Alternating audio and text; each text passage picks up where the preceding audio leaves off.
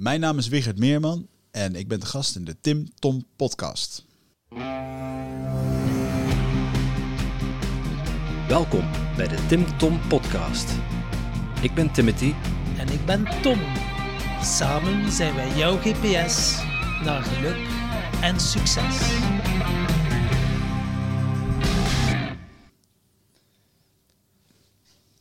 Ja, Timothy, we zitten hier, onderste aflevering. Feestje. Inderdaad, dat is wel een klein feestje waard, eh, Tom.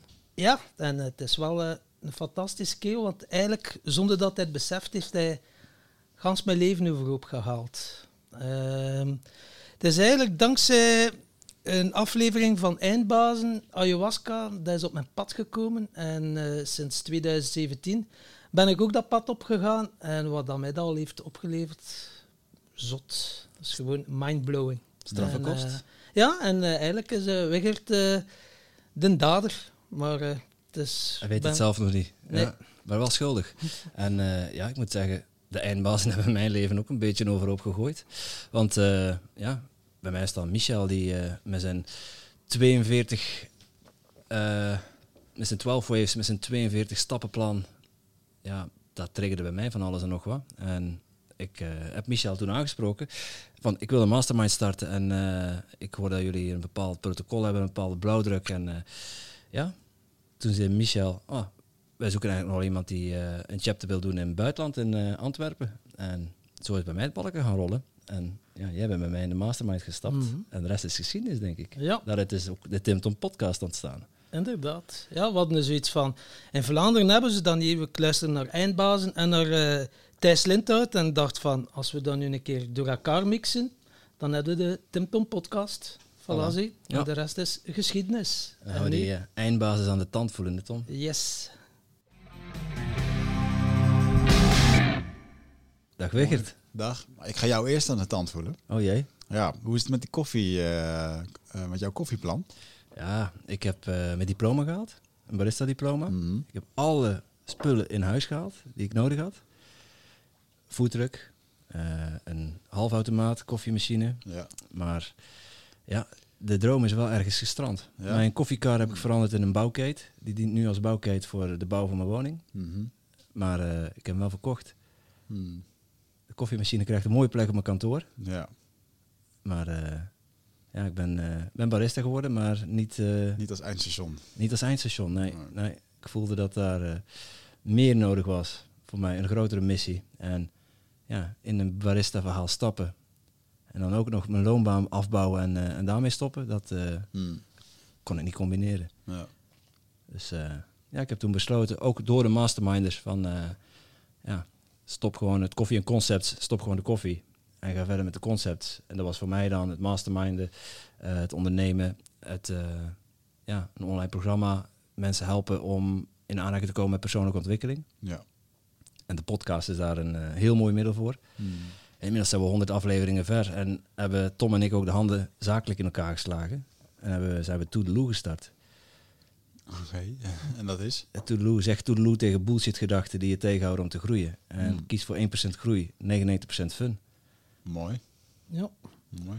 En eh, ja, we staan aan het begin van iets groots. Het is nu allemaal organisch aan het groeien. We zijn de pilot aan het draaien met 24 deelnemers. En eh, ja, het is fantastisch wat dat, dat allemaal al heeft opgeleverd. En eh, het najaar gaan we echt van start. Mooi. Ja, dan is het eh, voor het echt. Mooi, ik denk dat België er aan toe is. Ja, Nee? Denk ik ook, ja. Ja. ja en, en met koffie was dat niet eh, mogelijk, eh Wigert, om Hmm. dat waar te maken. Het is wel heel mooi dat ik op mijn pad, zeg maar, ook nog een barista heb ontmoet. Die toen ik gestopt was, gewoon verder is gegaan daar waar ik gestopt ben. En die is dan ook met zijn voet gestart en koffies gaan verkopen. Mhm. met hart en ziel. Mhm. En toen heb ik ook wel gezien van, ja, dat is wel heel leuk om te doen, maar dat is wel de juiste beslissing geweest om, dat, eh, Ja. om daarmee te stoppen. Ja. Ja. Ja, eh, misschien als je hem over twee jaar spreekt, dat hij eh, al niet meer achter die, achter die kar staat, maar dat hij twintig barista's door de stad heeft, heeft heen fietsen. Volgens mij is er een, een Belgisch koffieconcept, Vasco Bello. Zou dat kunnen? In, Nederland, in Amsterdam heb je daar een paar zaakjes van. Vasco Bello. Belgische eh, koffie, Belgische chocolade en dingen. Echt iedere keer als ik er binnenkom, denk ik, wauw, dit concept is zo ontzettend goed. Beetje een uh, Europese, ja, Europese Starbucks, maar dan gewoon goed, zeg maar. Volgens mij komt dat uit Antwerpen. Maar, maar weet je, ja, het, um, ben nog niet uh, opgevallen daar. Het is van alles kan je je droom maken, zo groot is dat je wil. Ja. Maar goed, schijnbaar was dit niet jouw droom en dat is ook een antwoord. Wat ik had wel die les nodig. Ja. Ik ook het, zeg je dat, daar ergens de manifestatiekracht in mezelf ontdekt. Door dat te doen, ja. door eindelijk eens iets te kiezen, wat, iets wat ik niet kon, ja. kiezen. En voor die droom ook te gaan. En voor volle 100%. Want ik heb op drie maanden dingen gedaan die echt onmogelijk zijn. Mm Namelijk intermediate barista cursus gehaald.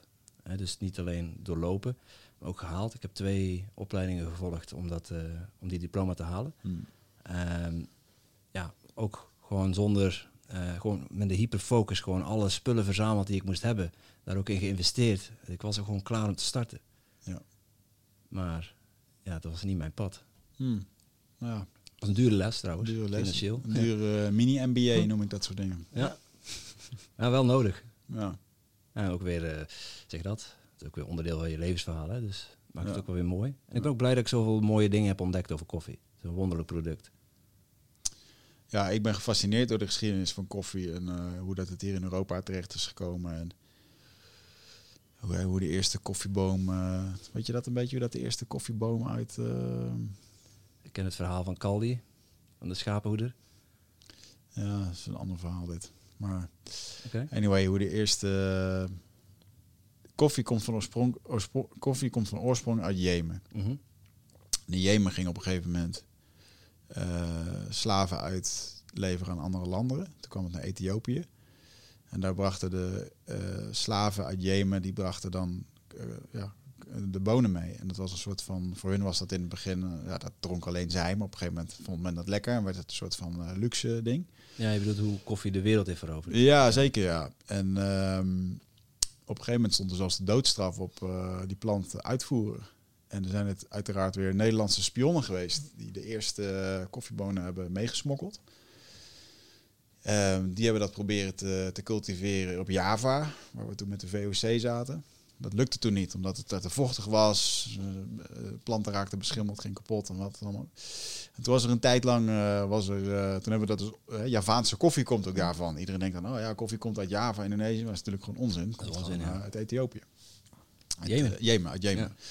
Ja. En um, vervolgens heeft Nederland in tijden van vrede, als een blijk van, van goodwill aan de Fransen voor vrede, een tijd geen, geen oorlog, hebben we een heuse koffieboom gegeven. Ja, een koffieplantje cadeau gedaan aan de Franse ja. koning. Ja. En daar is zelfs een, een meneer die is verantwoordelijk gesteld voor die, boom, voor die boot. Van hij gaat nu naar, naar Europa toe. Van, dit is volgens mij nog. Nee, dit, dit is de volgende stap. Wacht even. Eerst, oké, die boom die kwam dus naar Europa toe. Vervolgens heeft uh, Europa de eerste groenkas opgezet, speciaal voor die boom. Dus de eerste groenkas die werd in Frankrijk opgezet om die boom verder te cultiveren. En het, op een gegeven moment is het vanuit de Franse kolonisten is het um, volgens mij naar Saint, Saint-Preux of zo, is een of andere plek waar een soort slavenroute uh, naar Noord-Amerika. Of Zuid-Amerika. Zuid-Amerika. Zuid-Amerika. ja. En uh, toen is er iemand verantwoordelijk gesteld om die boom daar naartoe te, te begeleiden. En die, er zijn geschriften van dat hij zelfs zijn eigen waterproviant, dat hij dat aan die boom heeft gegeven. Omdat hij verantwoordelijk was voor die boom, maar er was wekenlang was er geen wind. En ja, er was gewoon een hele grote kans. Zout water had die boom sowieso doodgemaakt. Dus hij moest zijn eigen water aan die boom uh, geven. En uh, zo is dus de eerste koffieboom in Zuid-Amerika gekomen. En uh, nu heb je allemaal Colombiaanse koffie, Braziliaanse koffie, wat allemaal natuurlijk gewoon, ja, als je de geschiedenis niet weet van dit verhaal. Dus ik, ja, ik vind het fascinerend. Ja, ja dat het laatste, dat wist ik niet, nee. Maar dat Nederland daarvoor een hele belangrijke rol had gespeeld, ja, dat uh, ja. blijkt ook maar weer. Ik ken een ander verhaal over het ontstaan van, tenminste de ontdekking van koffie, uh, van de drinkbaarheid van koffie. Dus mm. dat ze, uh, dat de schapenhoede Kaldi, dat is dan de, de legende in, in Jemen, de schapenhoede. En dat het hem opviel dat de schapen, als ze bepaalde bessen aten, dat zijn schapen dan uh, hyperactief werden. Hmm. En ja, hij eh, bracht die bessen mee naar het dorp, lokale dorp. En ja, daar lacht hij hem gewoon een beetje uit. Want als mensen die bessen eten, dan gebeurt er niks. Je verteert ze gewoon en je, je poept ze uit.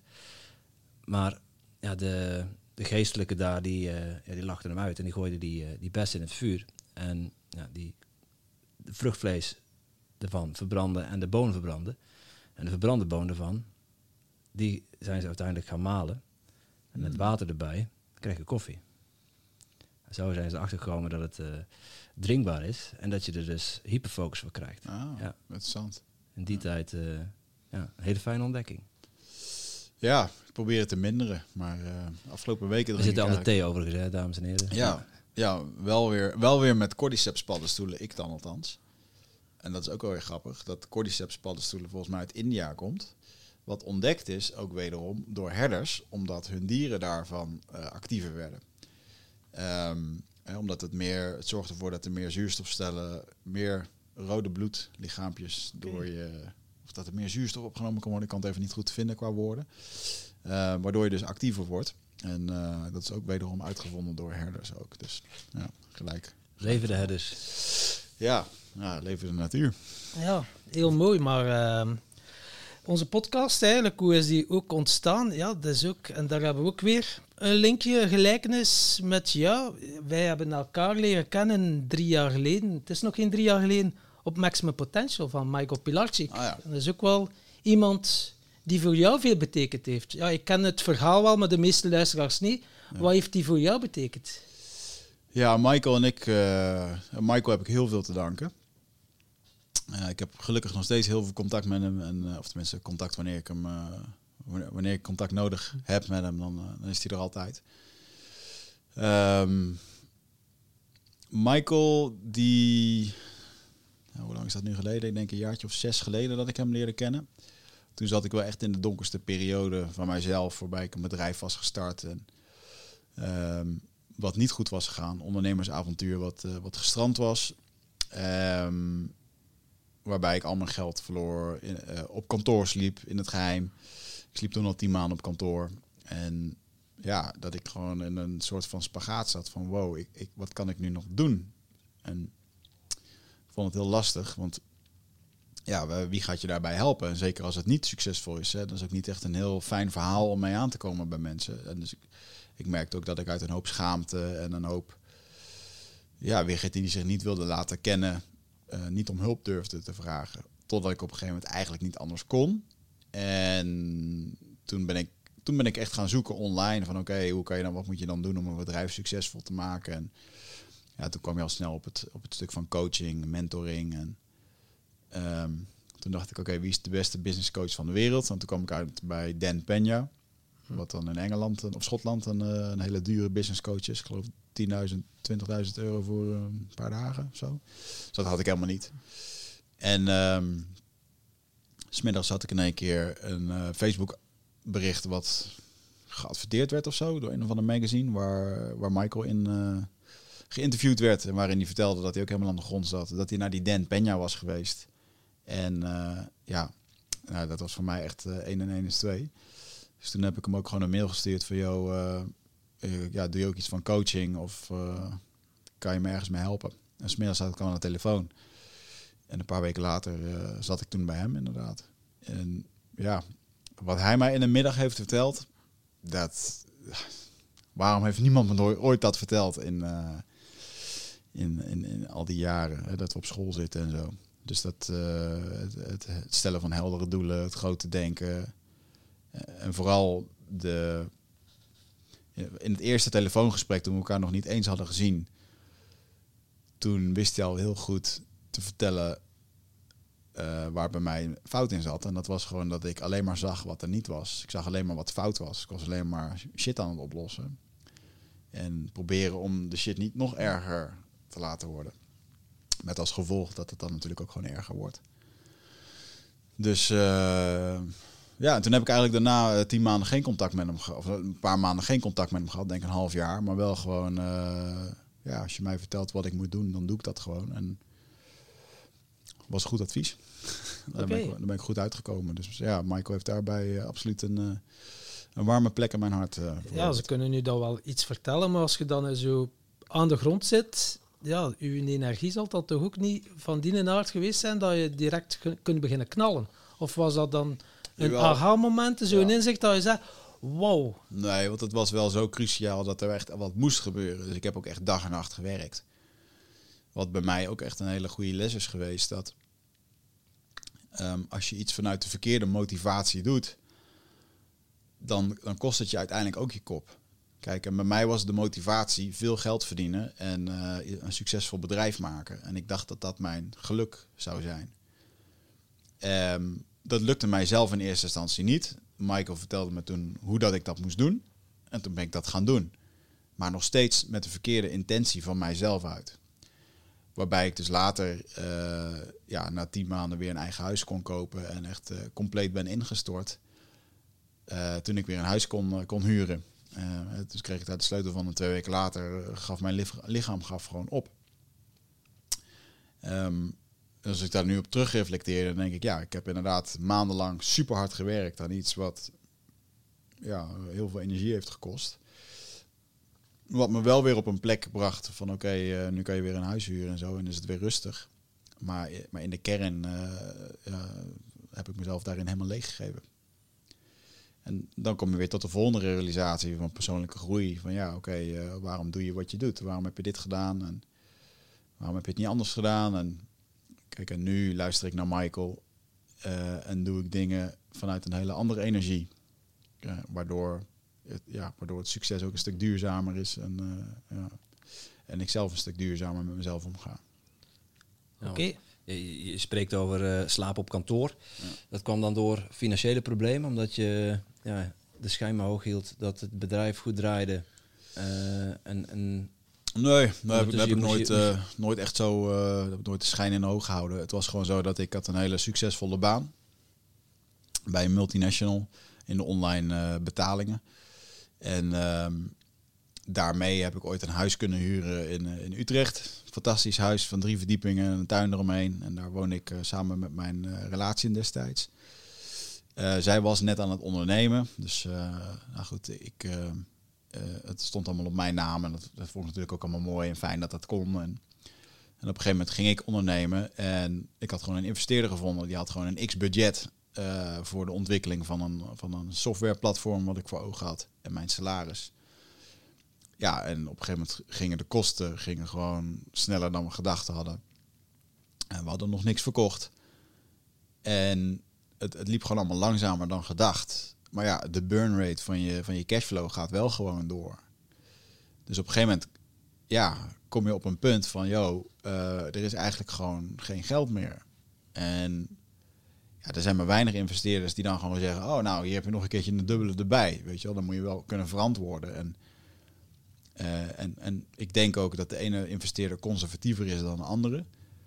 Ehm, en wat ik toen bijvoorbeeld ben gaan doen, is bijvoorbeeld ten eerste eh, mezelf minder gaan uitkeren. Ik had een bepaald salaris onderhandeld, van dat zou ik gaan krijgen. En toen als eerste uit een bepaald schuldgevoel heb ik gezegd, oké, ik pak nu minder salaris. Eh, we doen dit. Eh, en op een gegeven moment ja, merkte ik van al het werken dat ik gewoon zagrijniger werd en ook niet gelukkig was. En dat mijn vriendin op een gegeven moment zei van, joh Wigert, ehm, ja, dit is niet de Wigert waarmee ik ben, eh, die ik in het begin vond. En dan wil ik, ja, dit is niet hoe ik een relatie wil hebben. Ik ging niet meer mee op vakantie, ik ging niet meer mee uit eten, want ik wilde besparen. Ik wilde alleen maar werken. Dat was mijn investering en dat, dat voelde ook goed. En toen dat op een gegeven moment, eh, toen zij het op een gegeven moment uitmaakte, toen zaten we met dat hele grote huis. Wat ik niet meer in mijn eentje kon betalen. Dus toen heb ik voor mezelf de keuze gemaakt van, nou ja, oké, ehm, ehm, misschien is dit een tussentijdse fase. Eh, zij had het uitgemaakt en een dag later ging ze op vakantie. Eh, eh, ook wel een soort van om even weg te zijn. En toen had ik bedacht van, nou weet je, als zij straks terugkomt van die vakantie, dan ehm, hebben we misschien nog eventjes een soort van spelingsruimte, even overdenken wat we willen doen. Zij had die keuze lang gemaakt, maar ik dacht, nou, er valt nog wel wat te redden. Ik wilde ook niet dat het overging. ja, zij dacht, zei even pauze, even afstand nemen.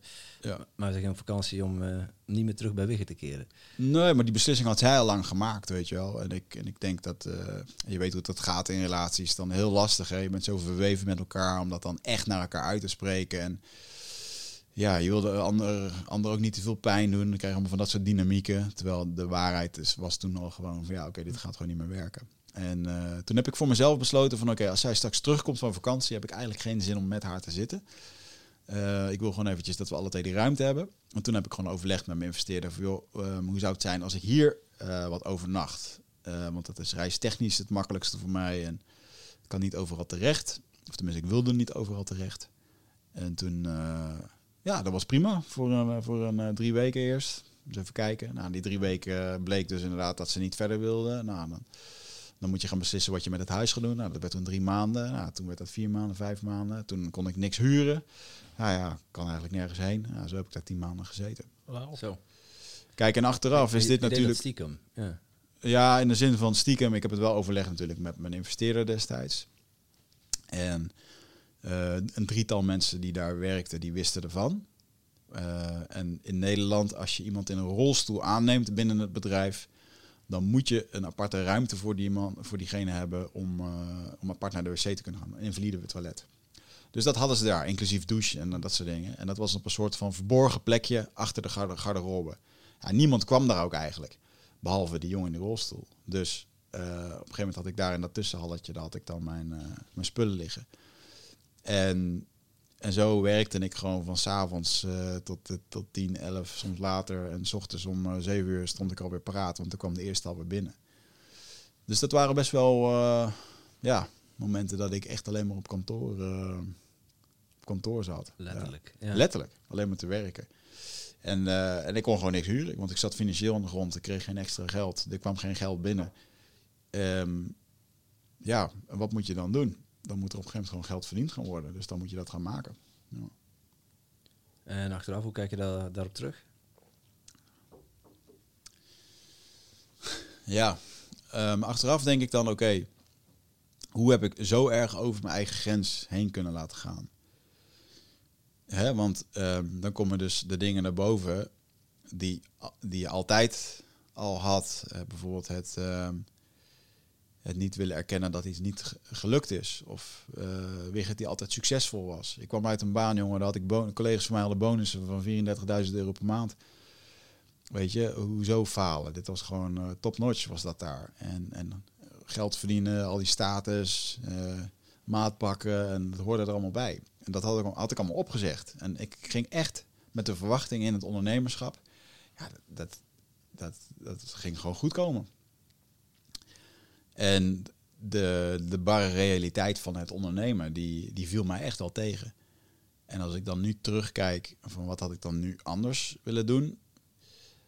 Uh, kijk, grenzen aangeven is niet alleen naar andere personen, maar ook echt vooral naar jezelf.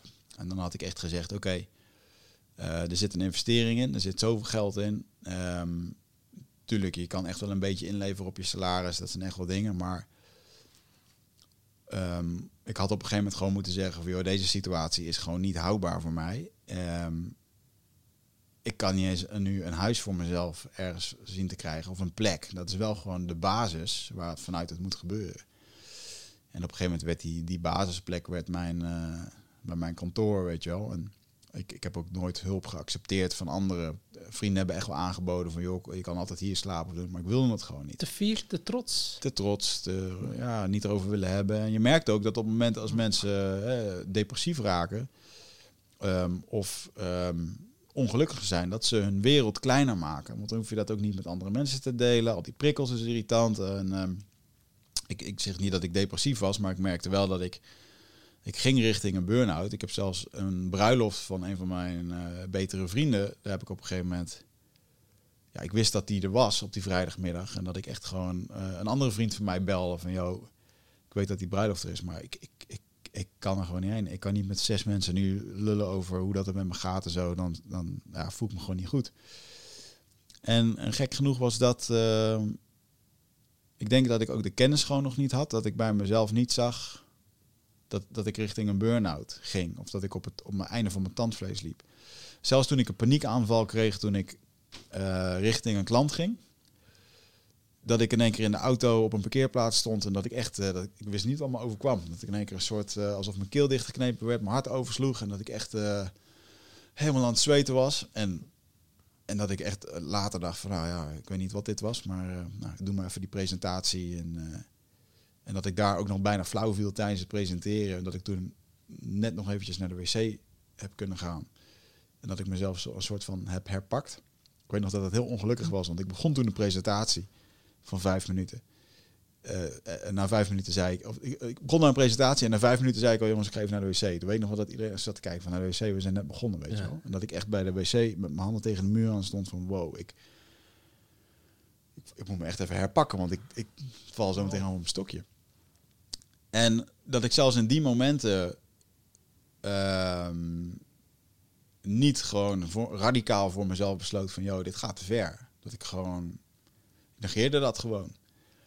En misschien is dat wel de knop van eh, het niet op willen geven. Hè. Dat, eh, ik heb veel versport gedaan, ik heb veel wedstrijden gedaan. En dat heeft een heel groot deel van mijn leven, eh, tot mijn 26e heb ik dat echt heel veel gedaan.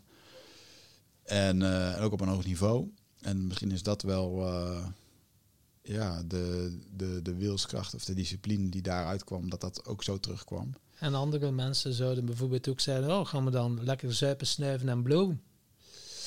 Om Ja. die pijn... eh, ah, om die pijn, ja. ja ik, denk dat, ik denk dus dat, dat mijn verdoving was hard werken. Want ik was natuurlijk emotioneel, eh, zat ik niet op een goede plek. Eh, qua eh, ondernemerschap niet, qua relatie niet, eh, qua geld niet. En ik heb dat allemaal weten te kanaliseren in, eh, in werken. Dus de rest, de rest ging ook allemaal de deur uit. Eh, het eh, sporten, daar stopte ik mee. Eh, uitgaan stopte ik mee. Sociaal contact stopte ik mee. Dus alles ging gewoon daarop. En, en nu nog steeds vandaag de dag is hard werken mijn go-to verslaving. Dat als ik me Ik krijg er kippenvel van. ik, het is ook heel herkenbaar, als, als ik iets voel wat niet, wat niet lekker loopt, dan is mijn antwoord vaak dat er harder gewerkt moet worden. Dus hoe kijk je daar dan nu op terug? Nou, als je het hebt over niet goed zorgen voor jezelf, dan is dat een heel mooi voorbeeld daarvan. Eh, anderzijds heeft dat me ook alles weer gegeven. Ja, wauw. Het is eh, en vooral het blijven negeren en blijven ontkennen. Dat is wel jezelf de doodsteek toedienen, denk ik. Ja, als je dat niet zo voelt. Nee, nee. Nou ja, je, zeg je dat? Ik herken de symptomen. Eh, hard werken. Alleen bij mij is de zingeving er wel. Hmm. maar, wel de juiste dingen doen, alleen eh, niet voor de volle 100%. Er zit eigenlijk nog een stuk in mijn, eh, in mijn leven waar heel veel tijd en energie naartoe gaat, wat me niet verder brengt daar waar ik naartoe wil. Ja. En dan, ja, die symptomen herken ik ook van dat wegdraaien en even jezelf moeten herpakken of gewoon, ja, gewoon even gaan liggen, want anders, ga je, anders ga je letterlijk op je plaat. Ja. Eh, die hartkloppingen, dat zweten. Als je dan maar blijft doorgaan. ik, ik, ben gewoon, ik heb je gewoon even gezegd van een week gewoon niks. Ja. Plat bank. Maar ja, ik voel wel ook, als ik dan door had gegaan, dan had ik ook wel... eh, Ja, zo een bijzonder hè, dat, ehm, dat eigenlijk alleen vanuit, vanuit de rust kom je tot de kern van. Ik noem het altijd als mensen drie weken op vakantie gaan. Mensen gaan op vakantie, ze sluiten alles gestrest af, e-mailtjes wegwerken. Dan de eerste week kunnen ze nog niet echt ontspannen. En dan na een halve week gaat het al beter. Na die eerste week dan, dan komen ze in één keer in, ah, die modus. En dan begint alles weer lekker te stromen. Dan krijgen ze weer ideeën. En eh, hè, dan straks op het werk, dit ga ik nooit meer zo doen. Dit ga ik helemaal anders doen. Nee, en dan, dan krijg je in één keer dan heb je in één keer die verbinding met jezelf of met dat grotere geheel. Eh, waardoor je ook beseft, door even kan uitzoomen, wat je allemaal aan het doen bent. En de, de grote grap is natuurlijk dat ze daarna gewoon weer aan het werk gaan. Dat ze binnen twee dagen weer helemaal ondergesneeuwd zijn met 200 e-mails en andere dingen. Terwijl alle rust en creatie, die komt, die komt wel uit dat. En, en ook die positie waar ik toen in zat, met heel veel stress en heel veel zorg en heel veel dingen, is het heel lastig om, om, om passie uit te oefenen en creatief te zijn. Dat, dat als ik dan met een klant aan het praten was, ja, dan, dan moet je echt oppassen dat een klant niet bijna voelt van wow, eh, gaat dit wel goed hier, weet je wel. Als je, als je mensen een beetje kan lezen, dan weet je heel goed uit welk uit welke energie ze bijvoorbeeld proberen te verkopen of iets proberen neer te zetten. Of... Dus ehm, ik denk dat dat wel een hele belangrijke is. Ja, om die, die rust, die had ik daar echt al eh, heel lang genegeerd. En dan Ja. zit je wel eh, met die pijn. En eh, je verdooft nu zelf door hard te werken. Maar ja, wanneer maakt hij dan die een omslag? Hè? Want die pijn zit er toch. Gaat hij dan toch op een of andere manier moeten transformeren of het Ja. monster wel in de bek te kijken? Hè? Moet je het monster wel in de bek, in de bek kijken? Ja, ja, dat zeg je goed. Ja, bij mij ehm, ja, heeft dat gewoon net zo lang geduurd totdat ik tegen de lamp aanliep. Er zijn ook echt wel mensen tegen mij geweest die zeiden van... Yo, zou je, zou je niet oppassen met ochtends zes uur? En ik vertelde dat uit een soort van trots en, en ook hè, van... Ja, eh, tof ondernemen, nieuw, bla bla bla. Probeerde het ergens ook een beetje de pet te geven van... eh, het is stoer of dit eh, mooi ondernemersverhaal. En dan lachten we daar een beetje over. Terwijl het dus heel erg... ehm,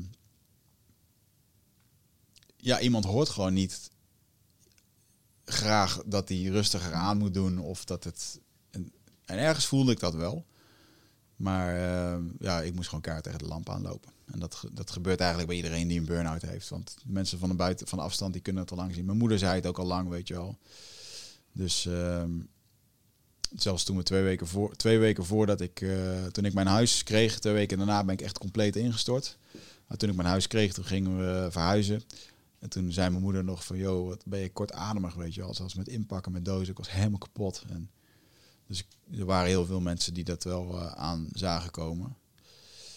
Maar ja, als die er dan wat over zeggen en jij zegt de hele tijd, nee hoor, het gaat wel, het gaat wel goed. Ja, oké, prima. Dan, eh, dan laten ze jou gewoon. Uiteindelijk doe je het toch allemaal zelf. En dan zit je op de bodem. Hoe ben je eruit geklauterd?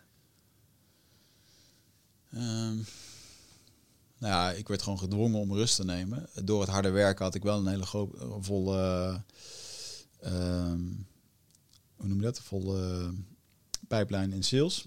Dus er waren wel heel veel nieuwe klanten die met ons wilden werken en, en oude. En, dus dat liep eigenlijk wel gewoon door. En ik heb toen ook echt wel alle ruimte gekregen van mijn investeerder. Van oké, je, je gezondheid is nu het belangrijkste. Eh, rust nemen. Dus ik heb toen echt... eh, ja, je bent ondernemer, dus ik, je moet wel bezig blijven. En ergens vond ik dat ook wel goed. Weet nog wel dat ik dat, dat, is, dat ik dat eens een keertje tegen hem uitsprak. Van eigenlijk, hè, dat, dat we nu nog dat bedrijf aan het runnen zijn. Als ik nu voor een baas had gewerkt, dan had ik nu gewoon, had je gewoon zes maanden niks van me gehoord. Weet je? En, maar anderzijds vond ik het ook wel heel fijn om gewoon toch nog een beetje met de realiteit van deze wereld bezig te zijn. En ja, dat is natuurlijk gewoon de boosheid en de frustratie die er dan uitkomt. Maar om toch eh, met je ding bezig te zijn en, en geconfronteerd te worden met dat je dingen gewoon anders moet gaan doen. En, en wat mij toen daar een burn-out heeft gegeven, daar eh, kan ik nu met de, goede, met de goede dingen die ik nu aan het doen ben. ehm, ja, gebeurt dat ook nog wel eens dat ik tegen, tegen de grens aanloop en denk van oké, ik moet nu echt. Ik heb bijvoorbeeld dit jaar heb ik drie maanden sabbatical gedaan. Eh, omdat ik mijn boek uit had gebracht, maar geen eindstreep had getrokken met wanneer het dan goed zou zijn qua verkopen, qua interviews. Ik wilde momentum behouden van het uitgeven van mijn boek. Ja, dat is wel gelukt, maar dat lukt nooit eeuwig. Hè. Eh, Hoezo momentum? Ik bedoel, als ik straks weer vijf interviews in de maand heb, is er weer een nieuw momentum. Dus, maar ik had dat nooit, ik had dat nooit zo vastgelegd voor mezelf. En, en dan kom je er toch weer achter. Eh, dan loop je met dat project op je tandvlees, wat helemaal oké is. Want ik denk af en toe dat je die wedstrijd moet lopen om daarna weer te herstellen. Maar als je dan bijna aan het eind van die wedstrijd bent en er gebeuren ook nog een keer allemaal dingen in je privéleven. Mijn moeder werd ziek, die kreeg kanker. eh, in de familie gebeurden nog wat dingen eh, die heel dicht bij mij eh, staan. En, en wow, dat, dat komt dan in één keer bovenop het feit dat jij op, op je tandvlees loopt. En dan, ja, dan dwingt het leven je toch weer om, om even rustiger aan te doen. Ja, Dus- dus hoe ben ik eruit gekomen? Ja, sorry, ik onderbreek je. Maar ik vergelijk het als met watertrappen. Dat je nog net met je neus Ja. boven water zit. En dan komt er nog iets, nog iets bij je. Dan, ja, dan ga je Ja. een kopje onder. Iemand geeft je even een rugzakje om nog meer om te doen. En, ehm, dus dat, soort- dat, dat soort dingen zijn natuurlijk ook gewoon niet te voorzien in het leven. Ehm, hoe ben je daaruit gekomen? Nou ja, goed, door heel veel, heel veel rust te nemen en door erachter te komen van ja, hoe. Een hele, hele kenmerkende avond was dat mijn nieuwe vriendin destijds, wat nu nog steeds mijn eh, partner is, Marieke, die vroeg toen aan mij. ehm, toen had ik bijna drie kwart jaar rust gehad. Begon ik weer een beetje in Excel-cijfers. Van oké, moet voor de investeerder moet ik weer cijfers en rapporten maken. En die vroeg dan inderdaad aan mij van, joh, eh, hoe wil je je volgend jaar eh, voelen? Want ik merkte gewoon dat terwijl ik die dingen aan het maken was, dat ik me gewoon voelde ik alweer die stress. Mijn antwoord was gewoon, eh, ja, we moeten veel geld verdienen. eh, de, er moet meer omzet komen, meer klanten, meer vrije tijd. Dan komt het goed. En het kantoor moet verhuizen van Zoetermeer naar Amsterdam. waarop ze nog een keertje aan mij vroeg van ja, hoe wil je je volgend jaar voelen? En toen ik daar eens beter over nadacht, was het antwoord ja, gelukkig, geen stress en uh, gewoon gezond. Oké, wat is dan hetgeen wat je dan als eerste moet doen? Ja, dan moet ik eigenlijk dat bedrijf verkopen. Dat was het inzicht van die avond. Hè? En dan zie je al heel snel, vooral bij mannen zijn gewoon ontzettend goed om gelijk weg te gaan van de, van de emotie. Hè? Dus hoe voel je je? Um, dat, dat heel veel mannen konden dat helemaal niet voor zichzelf beschrijven. Heel veel vrouwen trouwens ook niet. Want ja, daar, A wordt het niet geleerd om daarover te praten. Uh, B uh, vindt men het vaak wat, wat vreemd hè, om dat te, te doen. Uh, en anderzijds ja, denk ik dat jezelf kennen qua gevoel. Soms voel ik hem op een manier en dan vraagt mijn vriendin dat, dat wederom. En dan kan ik het eigenlijk niet eens beschrijven. Je hebt die woordenschat niet, hè? Je kunt enkel maar zeggen, ja, niet goed of slecht. Nee. Ja, of, of in ieder geval van waarom voel je je dan? Weet je, hoe voel je je? Ja, ik voel me eigenlijk niet zo goed. Waar, hoe, hoezo voel je je niet goed? En vaak zeggen we dan aan de oppervlakte, ja, ik heb het een beetje druk op het werk. Maar dat is het niet. Er zit onder een laag dat je bang bent voor iets, of dat je uh, bang bent om de boot te missen, of dat je verdrietig bent of boos bent. Of... En dat zijn natuurlijk die emoties. En om dat in kaart te brengen, ja, dat, is, dat is echt mijn nieuwe trip geworden, om dat, uh, dat enigszins vorm te geven. Mooi. Jij stipte net uh, jouw vechtsport aan. Hmm. Uh, dat is eigenlijk wel een mooi bruggetje naar de vraag van de vorige gast. Ja. Ik, ben, Dan, uh, kijk ik heb af en toe een beetje last van Alzheimer. Het is ik ze genoteerd heb. dus, ah.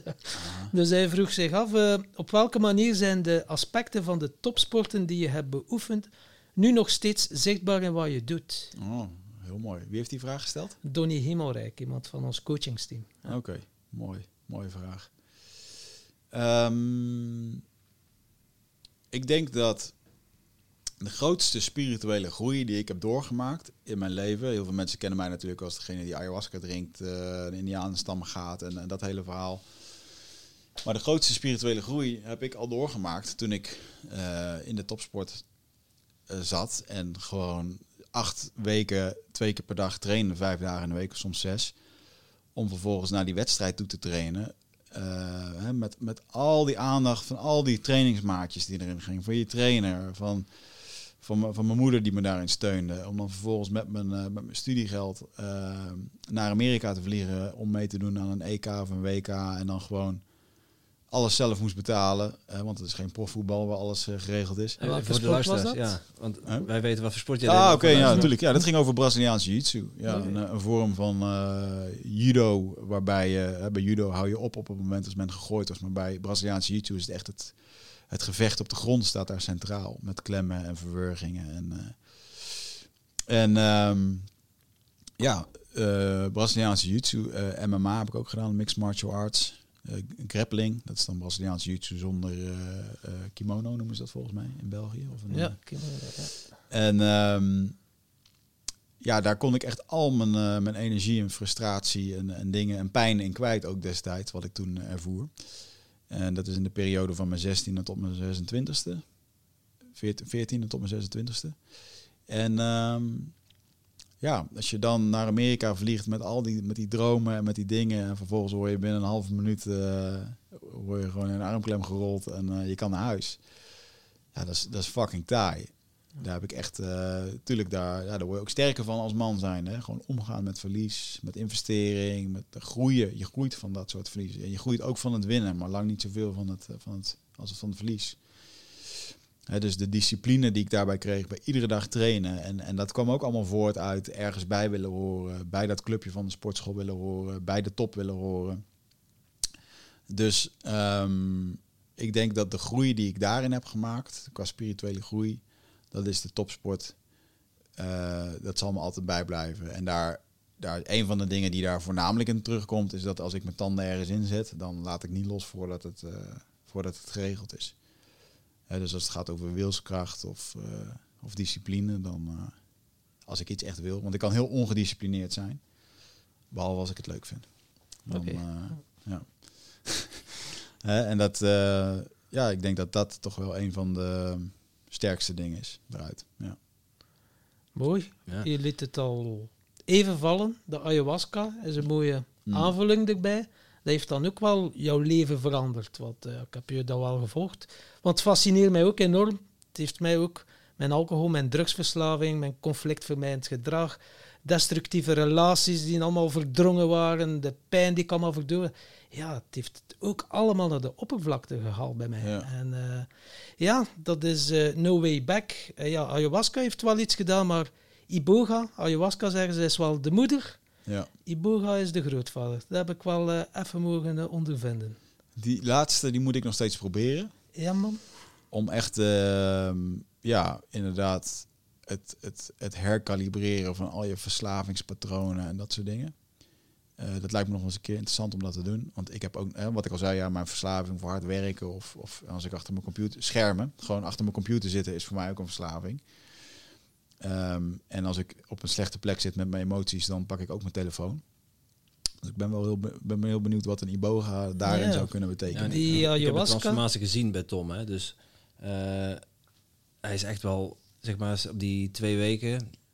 dat- Tenminste, het is, al, het is, nu is het nu wel even geleden. Maar ik zag hem dan voordat hij vertrok naar de Iboga. En ik zag, ik zag hem daarna. En ja, hij heeft wel wat dingen, wat shit opgeruimd. En eh is wel wat veranderd ook. Ja. Het was eigenlijk, de ayahuasca had mijn verslavingstuk naar boven gedra- eh, gebracht. En ik kwam thuis en op, ik keek weer porno, ongezond eten, af en toe blowen. En ik dacht, what the fuck man, ik kon er niet mee om. Die drang was zodanig groot. Maar die shamaan had gezegd tegen mij, denk dat je klaar bent voor Iboga. Dus ja, dat was hier ook in Nederland. En eh, Oké, vijf dagen ceremonie. En ik dacht, wauw, we gaan starten. Eerste dag welkomstceremonie, ene lepel. Krijg je een lepel. Oh, ik had een kater van hier tot Tokio. Ik zei, thank god, man, ben ik content dat ik gestopt ben met alcohol. En draaien en doen. En eh, niet kunnen slapen. Maar de tweede dag was de dead ceremonie. Dat waren zes lepels. Van negen uur s'avonds. Elk uur een lepel. Dan kwam alles naar boven. Dat verslavingsstuk, ik ben drugsverleden, alles kwam boven. En die plant zegt, hier gaat je naar te kijken, maat. No fucking way. Dat is uw fucking probleem. Dat is niet zo oeh, zachte energie. Nee, hier heb je naar te kijken. En ik heb vier dagen alles doorleefd, doorvoeld, alles, alles uit mijn lijf gekotst. Ik kwam wel eh 30 kilo lichter. Dat is nu een maand en een half geleden, maar het was heavy shit. Heftig, man. Ja, die ayahuasca heb ik dus wel al een keer of twintig gedaan, denk ik in totaal. Die boga, ik dacht, ja, planten zijn planten. Ja, eh, dat was toch wel even eh, iets anders. Ja, Fascinerend, man. ja. Mooi voor jou. Good Ja. for you. ja. Mm. maar eh, ja, over fascinerend gesproken, als ik dan jouw verhalen hoor, 40 dagen in de jungle zitten bij een indianenstam, dat vind ik dan ook toch wel Ja. fascinerend. Ja. Ja, ik ga weer terug dit jaar, dus Wauw. Ik heb vrijgekregen van het gezin om weer eh, drie weken weg te mogen. Maar eh, ja, nou ja, het is fascinerend. Ik bedoel, kijk, ayahuasca heeft voor mij ook heel veel betekend. Ik had ayahuasca al een keertje gedaan, net toen ik begon met ondernemen. Puur uit experimenteel oogpunt, omdat ik drugs gewoon interessant vond en eh, daar niet vies van was. En ik het gewoon, ik hoorde het op een Amerikaanse podcast van Joe Rogan en Aubrey Marcus. En ik dacht echt, die was naar Peru naar zijn retreat geweest. En ik, ja, dat verhaal, dat, dat ze in de Amazone met shamanen werkte. Ik, ik had toen denk ik nog nooit echt stilgestaan bij wat een shamaan nou precies deed.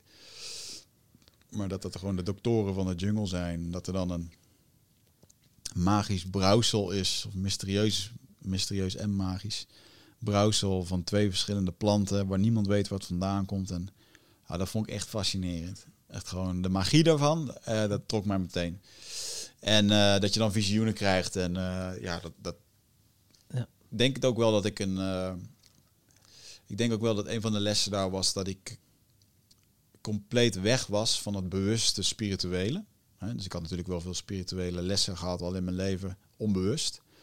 Maar dat ik toch wel op zoek was naar een bepaald iets om, ja, toch meer wat die zachtheid op te zoeken. Of ik had ook nog wel wat dingen met eh, mijn broer, die had ik toen al tien jaar lang niet gezien, omdat ik hem niet wilde zien. Ehm, omdat eh, ja, hij regelmatig in psychoses verkeerde toen we jong waren. En heeft een hele moeilijke, ja, heeft het gezin wel echt ontwricht op bepaalde momenten.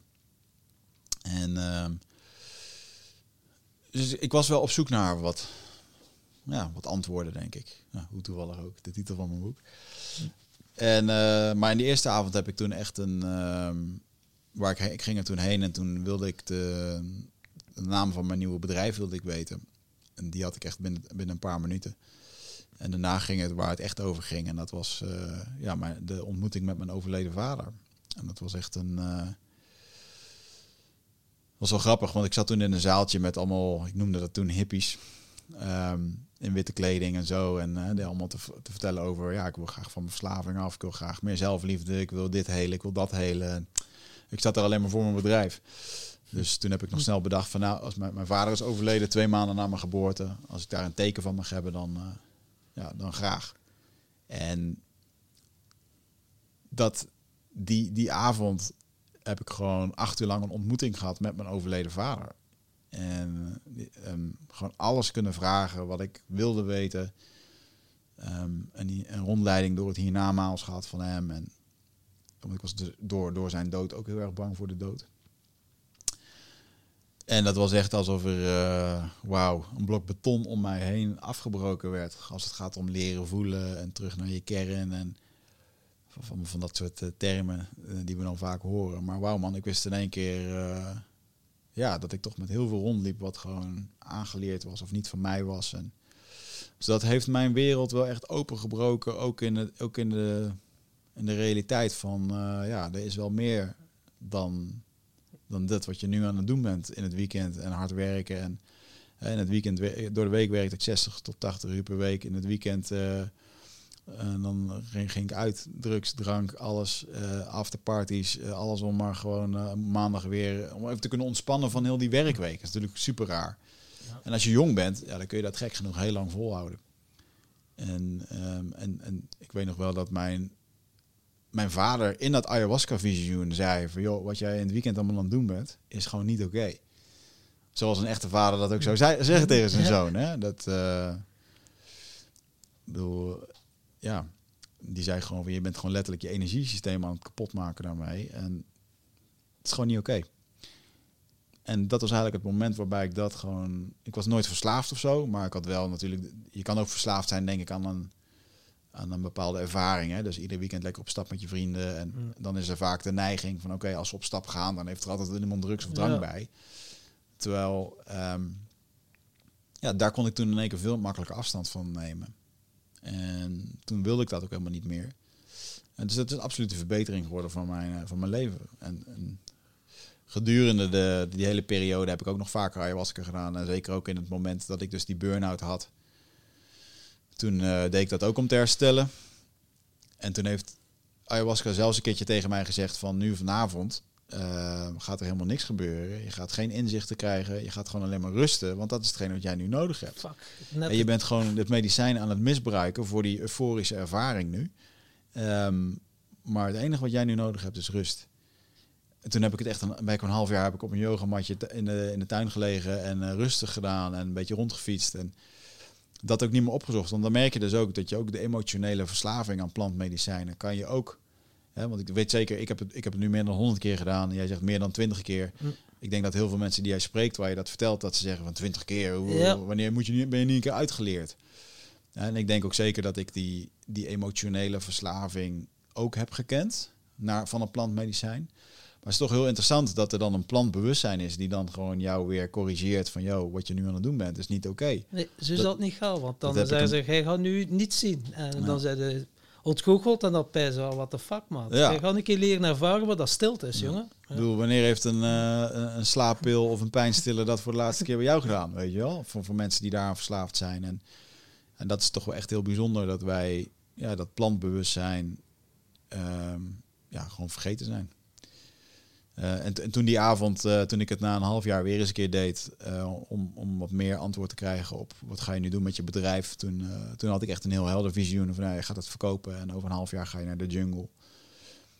met die shamaan die toen die, die ceremonie begeleidde. En ehm, dat is het. En ja, zo is het ook precies gegaan. Ik heb mijn bedrijf verkocht. Ik zag al die beelden voor me, al die gesprekken met die investeerder, die zijn ook exact zo gegaan. En op een gegeven moment ging ik naar de jungle toe. En al op uh, al direct uh, gepland, oké, okay, ik ga uh, 40 dagen naar de jungle. Dat was geen vlucht, dat was gewoon, je had het gezien in het visioen, ik moet er zijn. Ja, ik wist dat ik daar langere tijd heen ging. En die langere tijd voor mij, die stond voor mij al wel vast dat ik daar een, een dieet ging doen. Of een ritueel, zoals de Indianen dat noemen. Waarbij ayahuasca drink je één keer en dan, dan is dat wel eh, voor een avond klaar. En zo'n ritueel doe je eigenlijk langere tijd. Een dieta noemen ze het ook wel in hun taal. Ehm, waarbij je langere tijd in het bos verblijft, in isolatie, geen suiker, geen zout eet, ehm, geen water mag drinken, niet met andere mensen bent. En je dan dus ook veel ayahuasca drinkt eh, om vervolgens connectie te maken met nog een plant waarmee je je dieet doet. En voor mij was dat uh, de Muka-plant, een plant die zij gebruiken voor dit soort uh, dingen. Die shamaan heeft dat voor mij uitgekozen. Die dacht dat dat, dat de juiste was voor mij. Was dat dan de DMT-booster? Nee, dat was nog een andere. Nee, dat is Chacruna. Dat is Chacruna wat in ayahuasca zit. Nee, dit was uh, heel sexy, uh, de aardappelplant. Oké. Maar voor hun een hele sterke en heilige plant. En uh, ja, super bijzonder hè, dat als je dan dus in één keer dan die ayahuasca drinkt en je hebt dat dan gedaan, dan heb je niet alleen ayahuasca die tegen je praat, maar ook nog gewoon in één keer een andere plant, geest, plant, spirit die dan ja, die spiegelt met je dingen, die je inzichten geeft. Dus je loopt gewoon in één keer met je eigen bewustzijn, met dat van ayahuasca en ook nog een keertje met die plant, uh, loop je rond. Um, en, en, en als je ook nog een keertje afgezonderd bent in de jungle, ja, dan kan je een hele diepe reis in jezelf en daarbuiten maken. Ja. ja, en op zoek naar antwoorden. Heb je de antwoorden gevonden daar in de jungle? Je hebt het boek gelezen, hè? Dan, uh, tenminste, dat, als je het nog niet hebt gelezen, dan... dat denk jij. Okay, ja. Nou, heb ik de antwoorden gevonden? Nou, um, ja, wel voor waarvoor ik toe kwam. Hè? En uh, toen ik daar kwam, wist ik ook niet zo goed waarom ik daar nou eigenlijk was. Dus toen ik dat ritueel startte, toen heb ik ook echt gewenst als intentie van oké, help me bij het vinden van mijn missie.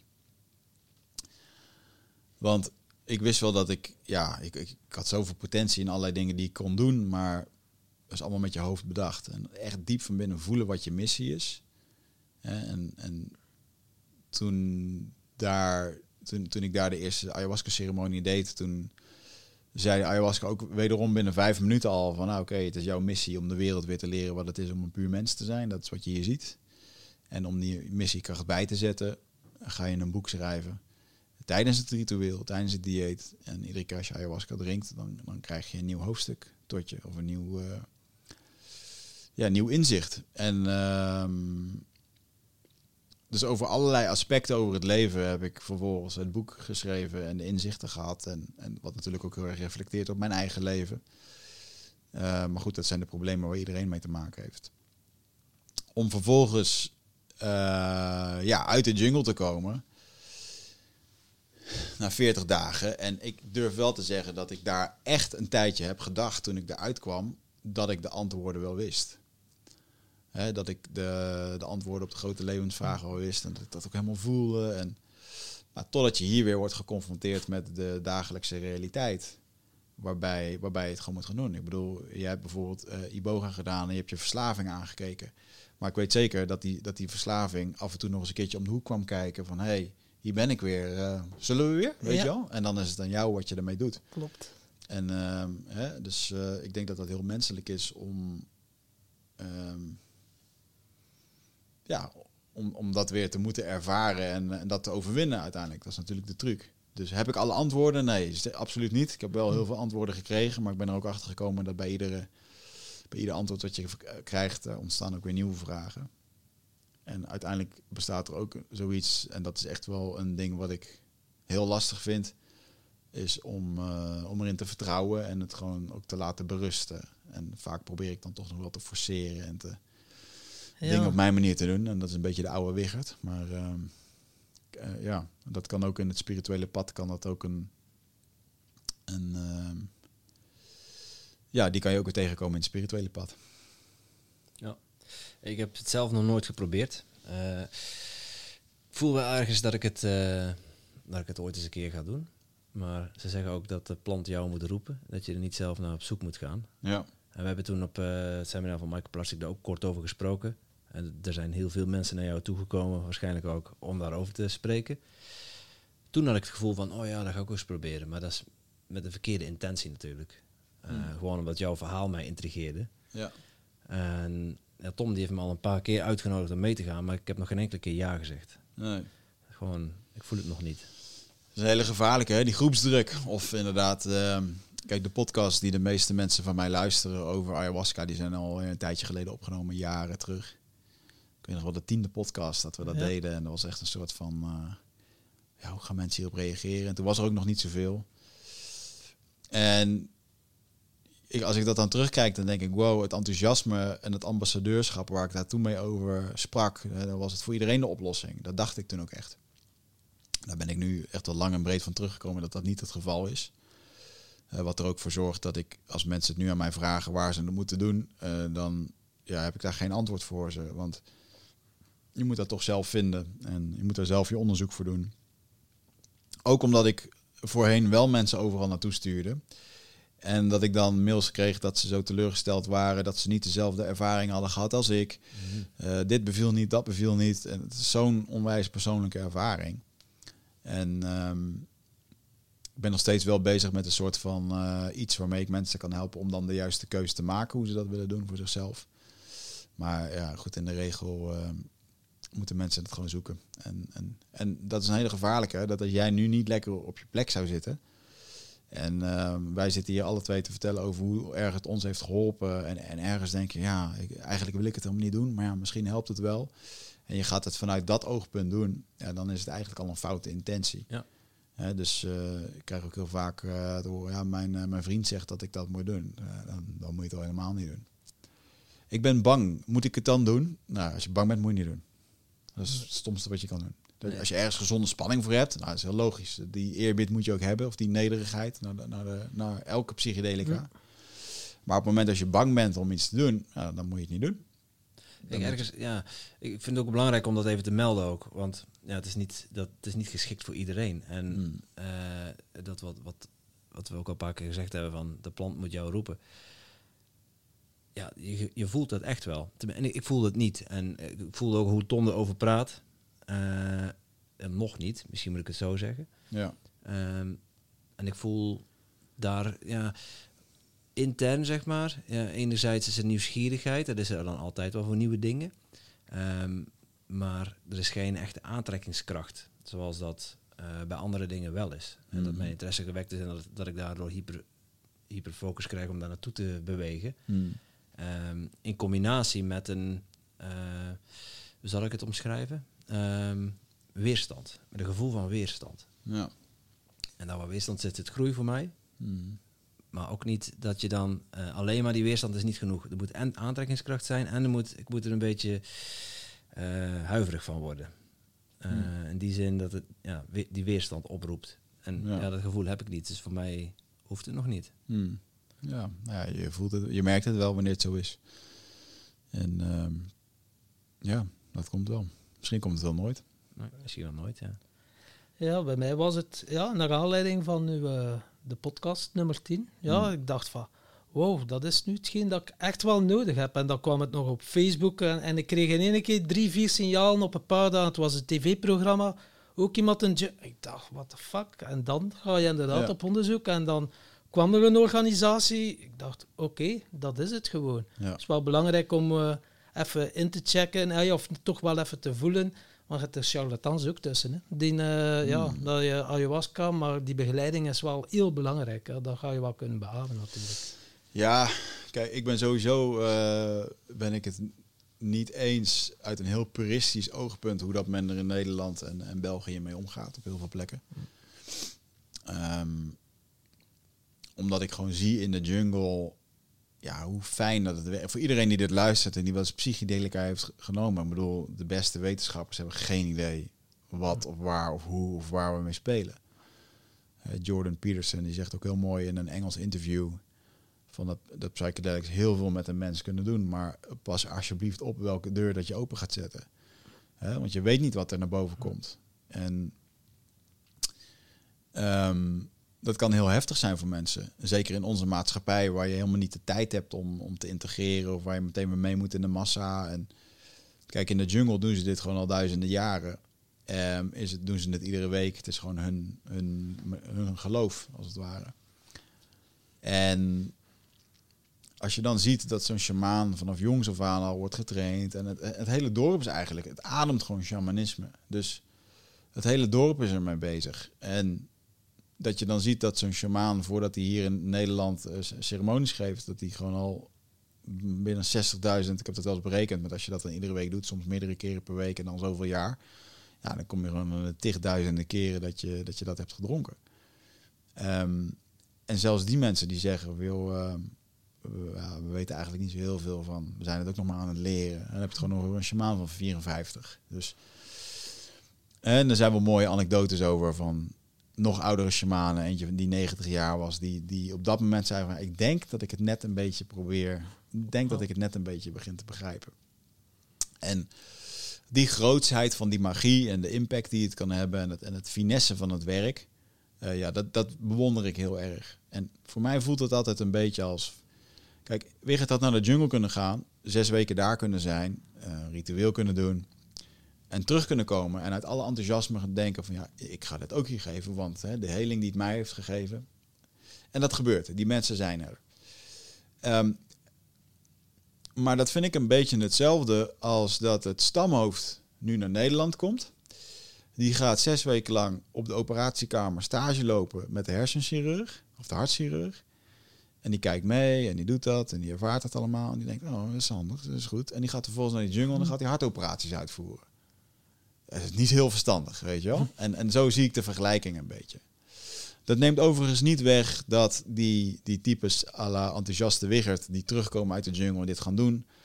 Ja, ik, ik kijk daar met, met, um, met leden ogen naar. Maar er zijn ook heel veel mensen die op hun manier ook daar terechtkomen... en daar een hele helende ervaring hebben. Kijk, door in Nederland zijn er ook aanbieders die uh, je ayahuasca geven en vervolgens een Spotify-lijst aanzetten.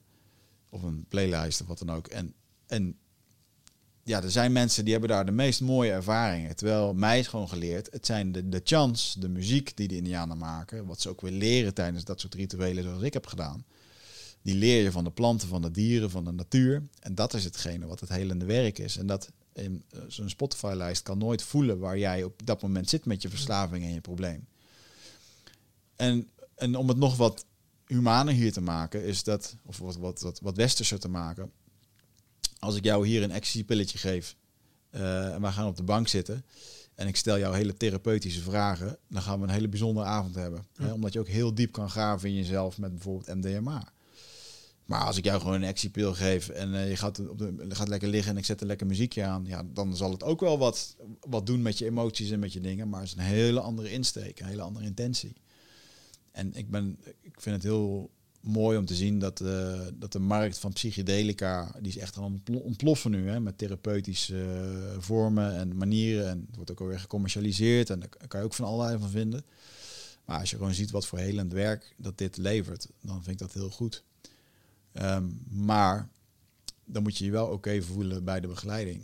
En Klopt. Ja. En, en de valkuil daar is dat er inderdaad, zoals Tom zegt, veel charlatans tussen zitten. Ja, en dat de overheid dat dan oppikt en het dan als verkeerd bestempelt en ja. uh, het gaat verbieden. Ja. ja, het is ook een hele lastige. Hè? Wat is dan de charlatan? Ja. Kijk, er zijn, uh, er zijn mensen die. Uh, ik heb vorig jaar toen ik mijn boek uitbracht, kreeg ik op een gegeven moment een berichtje van iemand. van, ik, hoop dat, ik hoop dat je boek me een beetje helpt, want ik zit in een moeilijke periode. En die uh, er is iemand overleden in Nederland nadat ze slaappillen en cocaïne in zijn bloed hadden gevonden. En die dus ook verschillende soorten ayahuasca of verschillende soorten um, psychedelica, psychedelica had genomen. Ja. En, en, en, ik geloof nog, ik geloof, ik dacht Iboga, ayahuasca. Ja, het waren er twee of drie. Maar goed, kijk, daar kan je van alles van vinden. Hè. Kijk, dat gaat natuurlijk vijf jaar lang zijn deze mensen zijn dit soort retreats aan het geven. Allemaal mensen die helende ervaring hebben. En dat is ook de typische westerse denk ik, om, om allemaal die dingen te gaan combineren. Maar de natuur heeft gewoon hier paddenstoelen achtergelaten. In Afrika is dat iboga, in, in de Amazone is dat uh, ayahuasca. En dan is het inderdaad wel weer het, het exploratieve westerse gedrag om weekenden te gaan aanbieden waarbij je op vrijdag uh, ayahuasca doet, op zaterdag uh, dit en op zondag nog even een of andere Mexicaanse pad, weet je wel. En, dan, en de, ik denk dat het heel erg belangrijk is om de minimale hoeveelheid gewoon in gedachten te nemen. Hè. Ook gewoon um, sowieso zijn wij in het Westen altijd van veel en heftig en het, al, dubbele porties en noem het allemaal maar op. Terwijl de finesse van dit soort dingen uh, kan gewoon echt minimaal zijn. En ik denk dat dat heel mooi is. Af en toe diep reizen is goed. Maar ik denk dat je ehm, ja, de respect wel moet behouden voor één, één plantmedicijn. Ga daarmee reizen en kijk eens wat je daarmee kan doen. En tegelijkertijd is dat ook alleen maar weer mijn waarheid. Want ik ken ook vrienden van mij die uh, weekenden doen met ayahuasca en iboga. En dat wordt dan allemaal zo gedaan met allemaal redenen en verhalen. En ja, die, die vonden dat helemaal fantastisch. Hele ervaring gehad. Dus ja, wie is dan Wigert die daarvan wat moet vinden? Ehm, kijk, en voor mij is het gewoon heel duidelijk. Je weet gewoon niet wat je binnenhaalt. Mensen vertellen niet altijd alles. Nou, dat bleek dan ook het geval te zijn bij die man die mij een berichtje stuurde. Ja, dan gaat er iemand dood tijdens een ceremonie. En dan uh, ga je wel gewoon anderhalf jaar de bak in. Om, uh, omdat jij zo graag mensen probeerde te helpen. Uit je goede bedoeling. En je hebt er duizenden geholpen. Maar nu ga je nat. En, en dat is wel echt een. Uh, met z'n allen staan we op heel glad ijs in Nederland en België. En dat is ook de reden waarom het medicijn tegen mij heeft gezegd van... joh Wigert, jij moet geen uh, ayahuasca-sessies organiseren... want jouw taak is juist om op het podium te staan. En laten ze, uh, jij mag bekend staan als die avonturier die naar Brazilië toe gaat... en dat daar doet, maar niet die het hier uh, aan publiek aanbiedt om, om te gaan doen. Dus dat is een hele duidelijke boodschap die ik daarin heb ontvangen. Dus jij komt, ja, met je verhaal ga je eigenlijk mensen gaan inspireren? Is het uh, dat? Is het enkel je nou, ervaring over ayahuasca of zit er nog iets uh, meer? Nee, ik denk dat, uh, kijk, de, de, lessen en inzichten van, van het ayahuasca en van, de, van het ritueel wat ik daar heb. Gewoon de, de wijsheid van de natuur, van de inheemse, in, van de inheemse bevolking, van onze voorouders.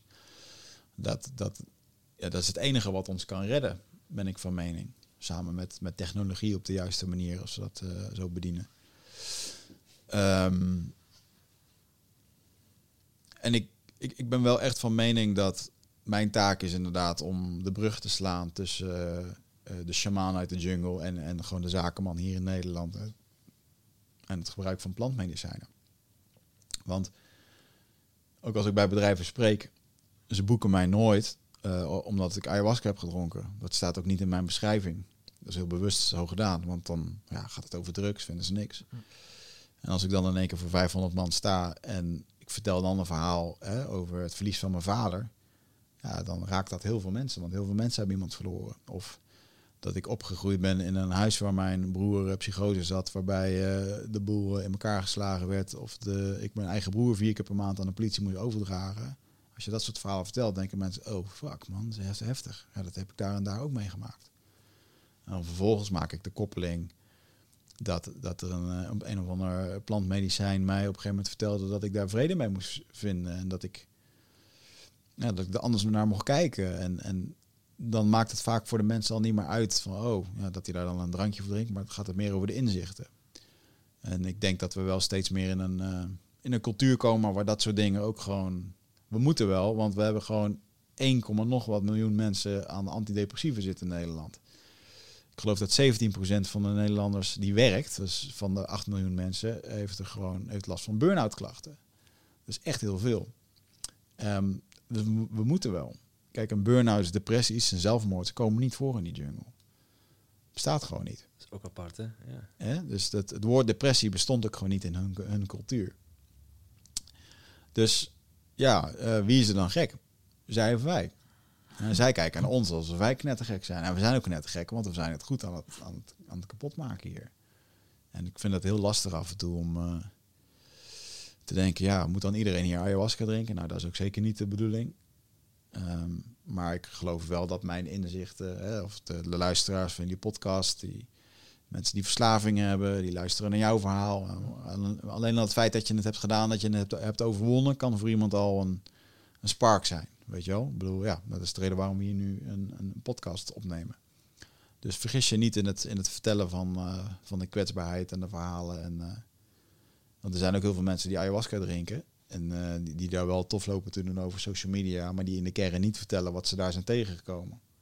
En, het is zoals je inderdaad zegt, in het begin was bij mij ook experiment. Ja, als je een zwaar drugsverleefd hebt en zo hoe, hoe, even weg van de wereld. Maar dan ga je niet de tijd nemen om het te integreren. Dan hebben ze, oké, ik ga naar die volgende. Maar dan kwam wel die switch van, wow, al die inzichten die ik heb gekregen, het wordt wel tijd dat je er iets mee doet en dat je dat gaat integreren effectief. Ja. En dat is wel belangrijk en wil ik de luisteraars ook meegeven. Het zijn die inzichten die je opdoet, het integreren, het integratieproces. Dat is uiteindelijk, want die plant werkt hoe lang nog? Zes weken, zes maanden werkt hij nog door. Ja, zeker. Ja. Ja. Ehm, ja, ik lust nog wel een, uh, een theetje. Doe er maar bij. Ehm, ik denk dat heel veel mensen... Dat is ook wel weer grappig. Sommige mensen die doen het. En die doen het één keer in hun leven. Omdat ze zo'n ja, uh, pak op een sodemieter hebben gehad. Of dat het gewoon oké is. En, en ik denk dat het voor jou en mij is het onderdeel van het pad. je hebt op een gegeven moment iets gevonden wat ook echt goed voor je werkt. En, en ergens voel ik wel een beetje een overeenkomst van uh, de neiging om, om, om heftige dingen te willen voelen. Hè? Om je op een heftige manier te verdoven. Of door kaart te werken, of kaart te sporten, of, uh, of die uitweg te zoeken in drugs of drank. Um, dan is ayahuasca is ook een, een, heftig middel om weer tot zoiets te komen. Ja. En um, ja, om dan een beetje terug te komen dat mensen nog steeds vaak zeggen van ja, oké, okay, maar moet je dat dan iedere keer doen? Maar dan begrijp je niet dat dit, dit is gewoon mijn, mijn pad. En soms doe ik het nu iedere maand. Soms doe ik het uh, drie maanden niet, of vier maanden niet, of een half jaar niet. Dus het is totaal geen afhankelijkheid van. Maar ik weet wel dat op het moment als ik nu ergens mee zit, dan ga ik wel daar ten raden. Ja, ja wat is uiteindelijk gebrekt door dat panzer wat uh, de laatste keren van ayahuasca, ja, dat liet me al mijn ont ontwijkingsmechanismen zien om niet te moeten voelen. Ja. Maar ja, ik dacht van, ik zit niet in die trip, uh, kwaad op die shaman, ik voel helemaal niets. Ja. Toen zegt hij, maar je zit er middenin, maat. Ik dacht van, oké. Okay. En dan dacht ik, oké, okay, dat zijn al mijn ontwijkingsmechanismen, allemaal om die pijn niet te moeten voelen. En dan ging ik in die overgave. En dan kon het transformeren naar liefde en licht. Ja. Dan was zo, wow, die, en ik was content met die pijn. Ik kon er naar kijken. dacht, oké. Okay. En ik, al die mechanismen. En, en, dan dacht ik van, dan mag je lang naar een psychiater gaan of bij een therapeut gaan. Ja. Maar dat inzicht krijg je niet. Of Nee. dan krijg je alles en het is no way back. Ja. Ja. Nou, dat is heel lastig, hè? Ook in een. ehm, om, als jij een uurtje naar de psychotherapeut gaat of naar de therapeut. Wat echt goed is om te doen overigens. Maar Ja. dat, dat vind, ik, vind ik zo meteen wel interessant om daar nog wat meer over te vertellen. Kijk, ayahuasca is als jij jezelf ziet in een kamer in een blok, vierkant blok ijs. Dan is ayahuasca als het ware de soort de sledgehammer die daarop slaat en die in één keer dat blok ijs van je af rammelt. Terwijl er zijn ook manieren waarbij je gewoon een warme lamp erop kan zetten. Die zet je op 30 graden. En dat ijs begint gewoon heel langzaam te smelten. En ik denk dat psychotherapie, ehm, eh, misschien een keer een EMDR-sessie of, eh, of hypnotherapie. Of, er zijn zoveel manieren om daar te komen. Er zijn zoveel the- therapievormen ook. Bio-energetische oefeningen om, om de energie weer door je lichaam heen te laten stromen. Kundalini, eh, alle stromen, alle culturen. Overal is er wat voor. Hè? Van tai chi tot en met yoga tot, tot vechtsport. En dat, dat uiteindelijk zorgt ervoor dat al die lagen er ook gewoon afgaan. Er zijn heel veel mensen die hun verslaving hebben overwonnen door de vechtsport. Daar ben ik van overtuigd. Of, of door, dankjewel, of door eh, yoga of door andere dingen. Dus weet je, het, ehm, het doet bij iedereen hetzelfde. Ja, eh, iedereen die met dat soort dingen aan de slag gaat, die krijgt dezelfde soort effecten. En therapie is heel goed, maar blijft heel erg van hoofd tot hoofd. En dat is natuurlijk wel het gevaar dat op het moment als wij de hele dag in ons hoofd zitten en ja, dan gaat iemand ook nog een keertje met je tegen je praten. Want dat is wat er gebeurt. Er gaan hele dag kaart werken, je bent ongelukkig, je gaat s'avonds naar de therapeut. En die therapeut die gaat jou een soort van bekijken vanuit zijn hoe, blauwdruk, hoe dat het denkt dat het is. Terwijl ik heb best wel wat therapeuten versleten. Ehm, maar er zijn er maar enkele die mij binnen vijf minuten aan het janken krijgen om over waar het daadwerkelijk over gaat. En dus niet zo per se dat ze je altijd aan het janken moeten krijgen, maar het geeft wel aan dat hè, op het moment dat je aan het huilen bent, dan zit je in je gevoel. En ik heb ook wel eens gesprekken gehad met psychologen die het interessant vonden om naar mij te luisteren dan ik. En, hè, en dat, dat, ja, dat vond ik dan ook wel. eh, praten is een van de meest helende dingen die je kan doen. En ik denk wel dat door ayahuasca ik wel beter over dingen kan praten. En ja, daardoor ook dingen beter kan helen.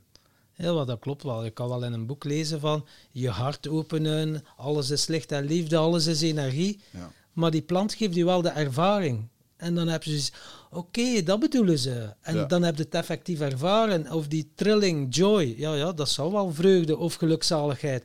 Maar als je in die dimensie komt en je gaat die energieuitwisseling voelen met planten of eh, met bloemen en, en je voelt dat en je ziet dat, effectief je ziet, dan is het, wauw, dat is het. Ja, ja zeker.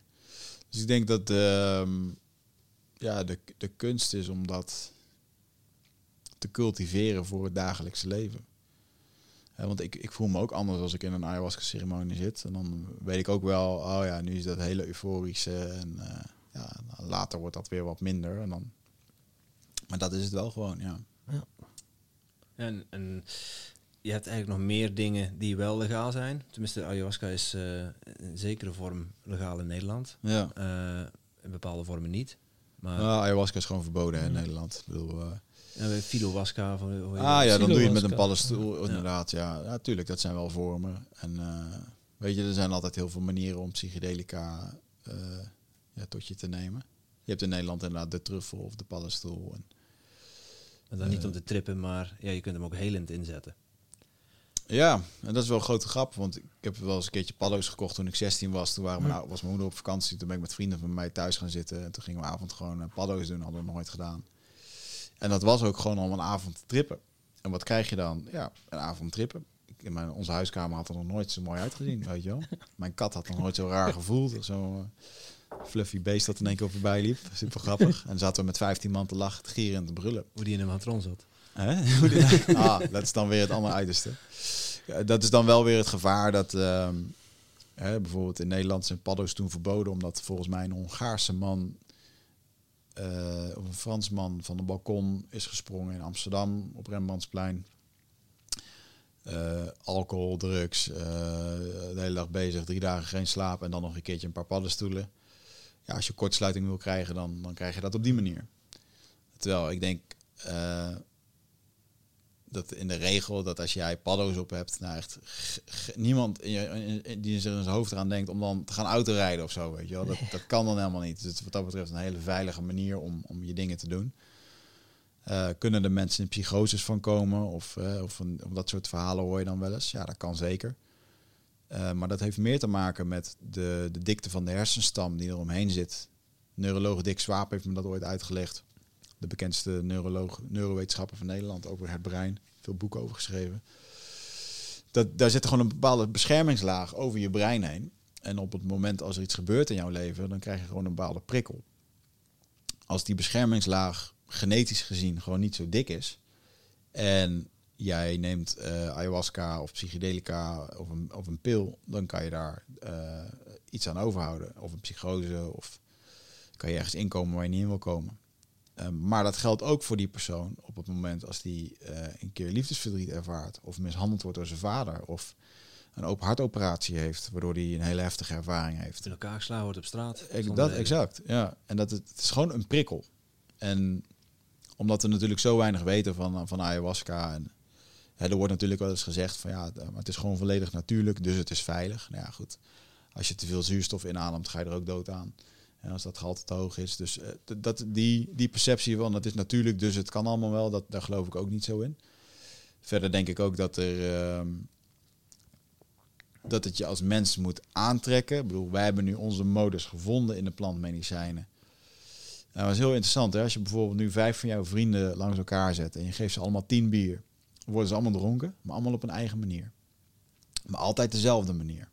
Ja, ik heb die vrienden van mij, ik heb een vriend van mij, Joep, altijd luidruchtig, schreeuwen, dingen kapot maken, mensen voor de gek houden, babel en.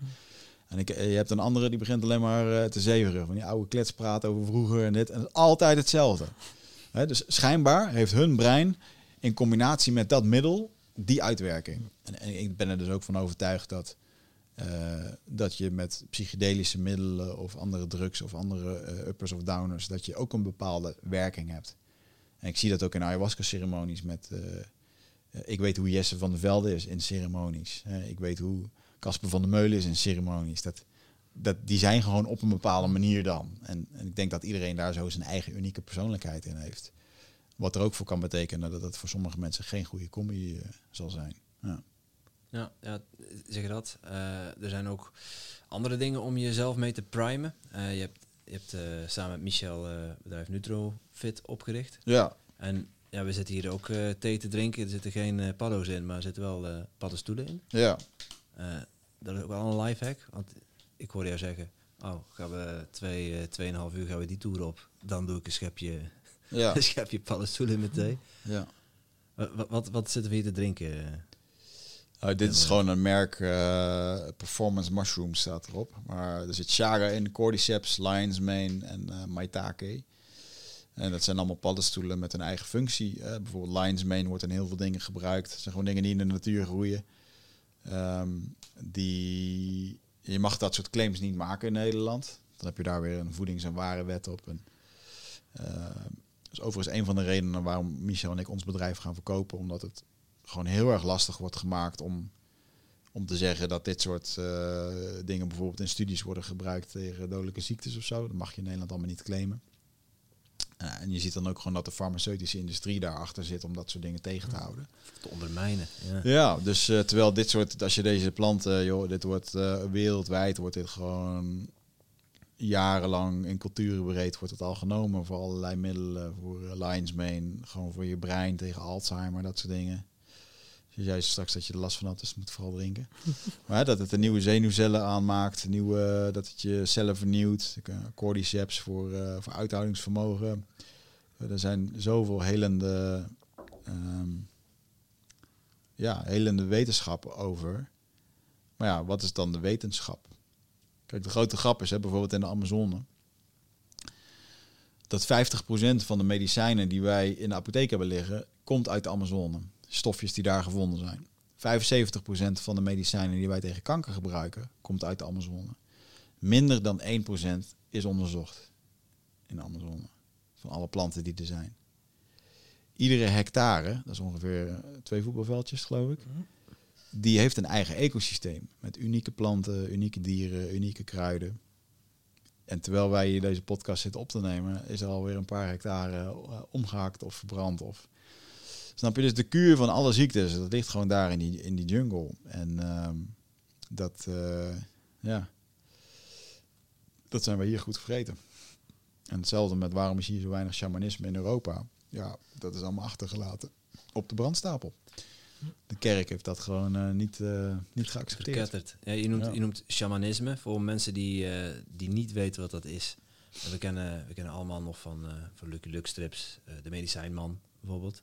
Bij ja, was die in Lucky Luke, ja? Ja, volgens oh, mij wel. Interessant. Bij de Indianenstammen. Oh ja, oh, grappig. Ja. Is de Noord-Amerikaanse ja. Indianen dan, hè? Ja, niet, zeker. niet de Zuid-Amerikaanse. Grote, grote shamanen hoor. Daar, daar ken ik de, de medicijnman van. Leuk.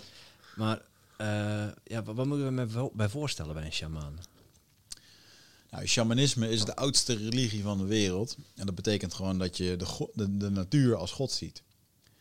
En eigenlijk is het ook heel normaal dat als jij, moet je voorstellen dat je een paar honderd jaar geleden geboren wordt, je had nog niet al die boeken en al die dingen. In één keer doe je je ogen, ben je hier op de wereld. Uh, je doet je ogen open en in één keer ben je hier op de wereld. En um, dan besef je dat, dat als je je eigen eten moet jagen en je moet overleven van de natuur, je moet, samen mee, je moet ermee samenwerken ja, dat de natuur iets heel groots en onverklaarbaars voor je is. Dat, uh, dat het in één keer stormt of hagelt of, uh, of dat er in één keer een ster valt en je hebt geen idee wat dat precies allemaal is.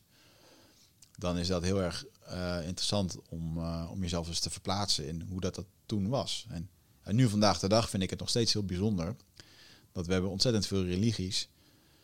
En dat al die religies zeggen, ah, God heeft dit geschapen en, en voor welke God je dan ook kiest. Maar dat we willens en wetens hetgene wat God heeft achtergelaten, de natuur, aan het kapotmaken zijn. Snap je? Dus dat is echt voor mij al een stap te ver. En um, nou goed, shamanisme betekent dus gewoon dat je de, de natuur als religie hebt. Dat je beseft dat alle elementen Zoals stenen, dieren, eh, de mens, de, wij zijn eigenlijk ook gewoon dieren, planten, die hebben gewoon een ziel en een, en een energie. En wetenschappelijk kan je dat al onderbouwen door eh, planten die, die kunnen ze bijvoorbeeld angst meten. Die, die, die voelen wanneer jij slechte intenties hebt om ze af te gaan knippen.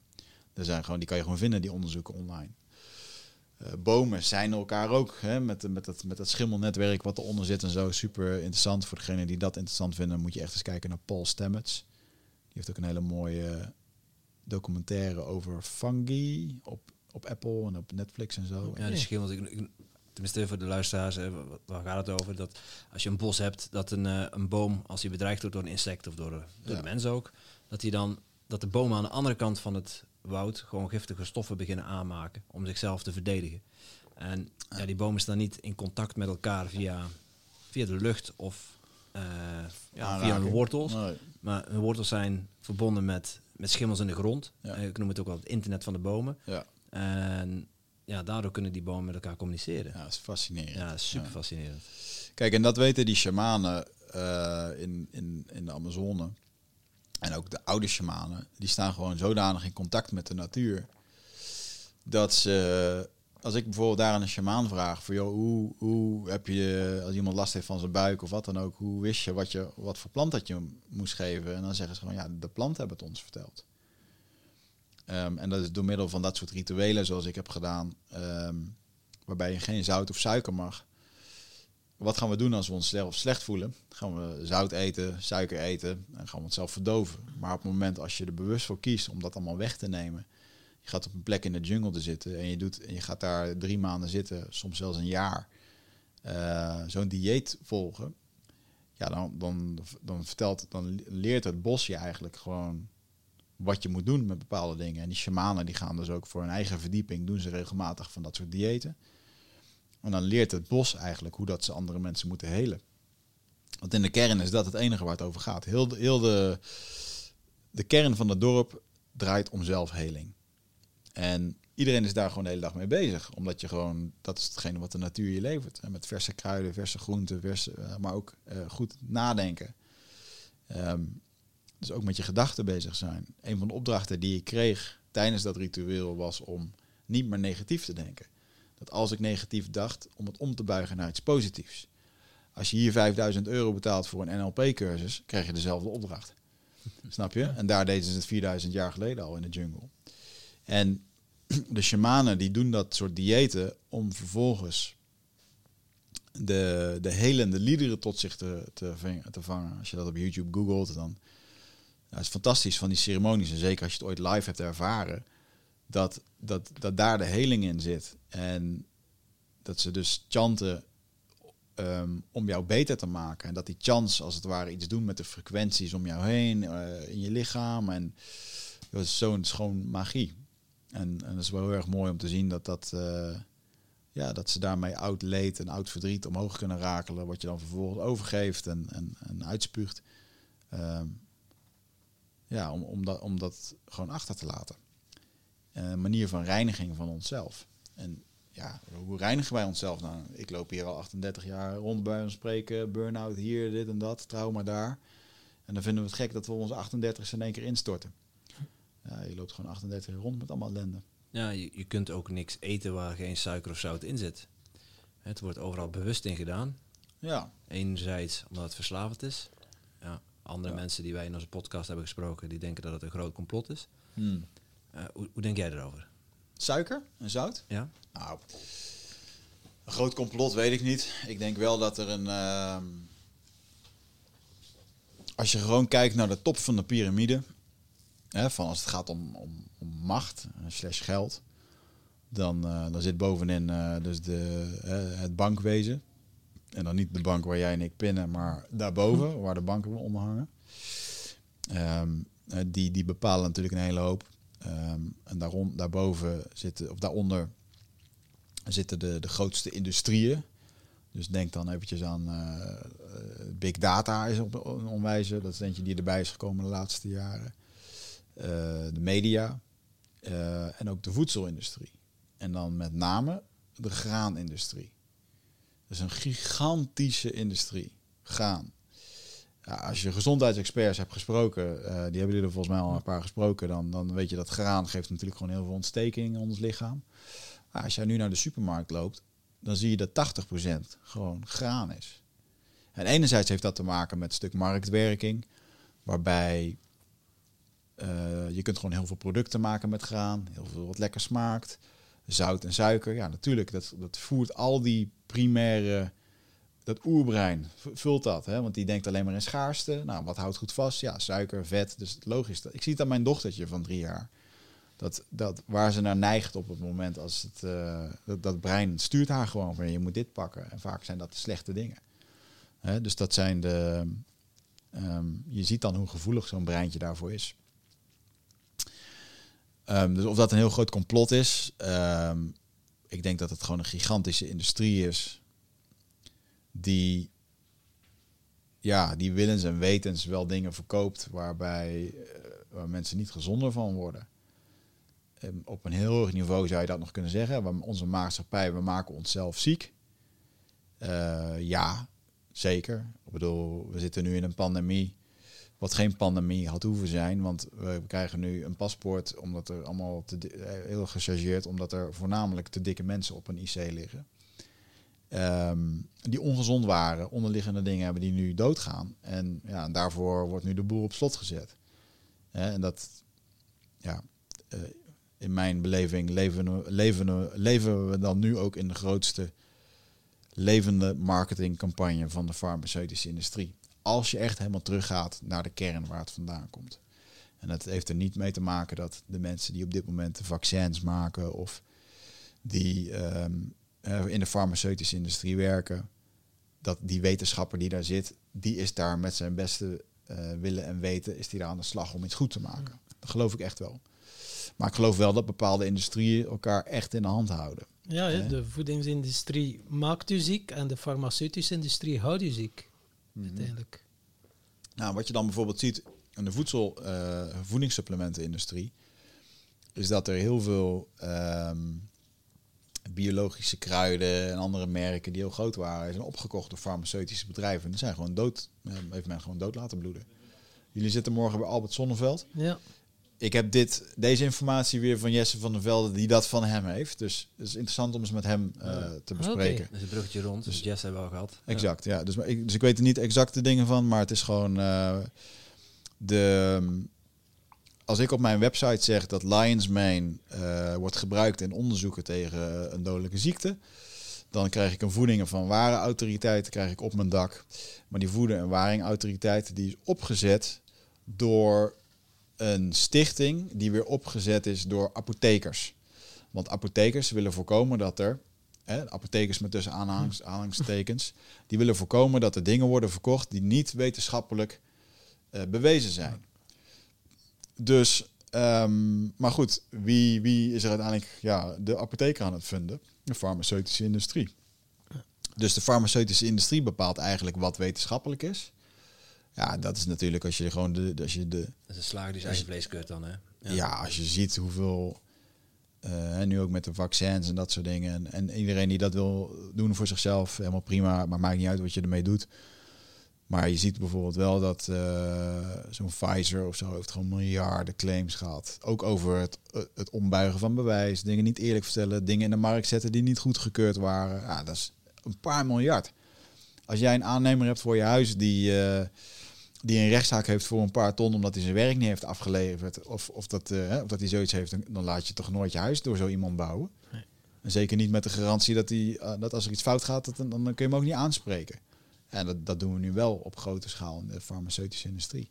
En dat vind ik wel heel fascinerend. En ik, ik vind het heel moeilijk om, um, om de conspiracy uh, rond te maken. Hè? Want ik, ik denk dat als je naar de wereld kijkt en hoe alles met elkaar werkt, dan moet je het als het ware zien dat als je zo je pols omhoog houdt, dan kijk je in een soort van ja, uh, duur Zwitsers klokwerk met allemaal schakels, allemaal tandwielen en dingen. En het is zo ontzettend verweven met elkaar. Want het, ja, bedoel, het feit dat mijn moeder ook gewoon graanproducten heeft gekocht, omdat het misschien wat goedkoper was, uh, dat, het, uh, dat wij het lekker vonden, ja, heeft ook gewoon die industrie natuurlijk gewoon geholpen. En dat wij er op 40 jaar later, ik geloof dat...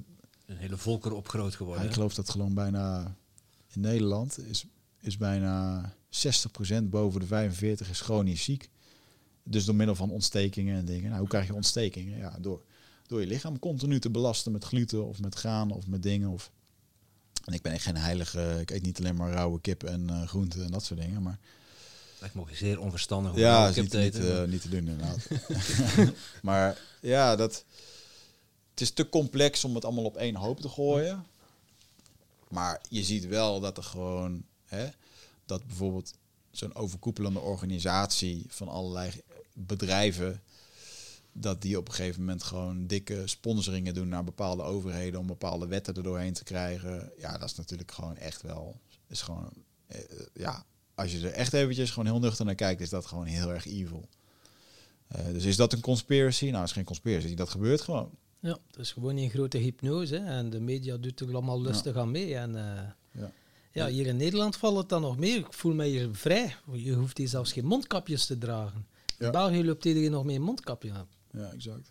Kijk, en dan, dan kom je weer op het punt waar, de, waar er een Wigert ergens in Amerika werkt, eh, die gewoon carrière probeert te maken. Die bij zo'n bedrijf werkt en die gewoon denkt, hey, we kunnen expanderen naar Ethiopië. En eh, wat we daarvoor moeten doen, het enige, nu kan het nog niet. Het enige wat we hoeven doen is dat we de, de wet daar moeten aanpassen. Want ja, dat is allemaal, ligt er allemaal wat achter. Het is maar net hoe dat je de saus erop giet. hè.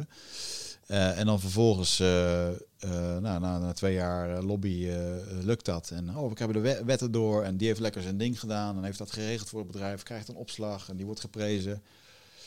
Ja, weet je, dat is gewoon het hele systeem hoe dat het, hoe dat het werkt. En het voedt elkaar, hè? dus een beetje Ja. zoals, ja, zoals plant en dier soms samenwerken.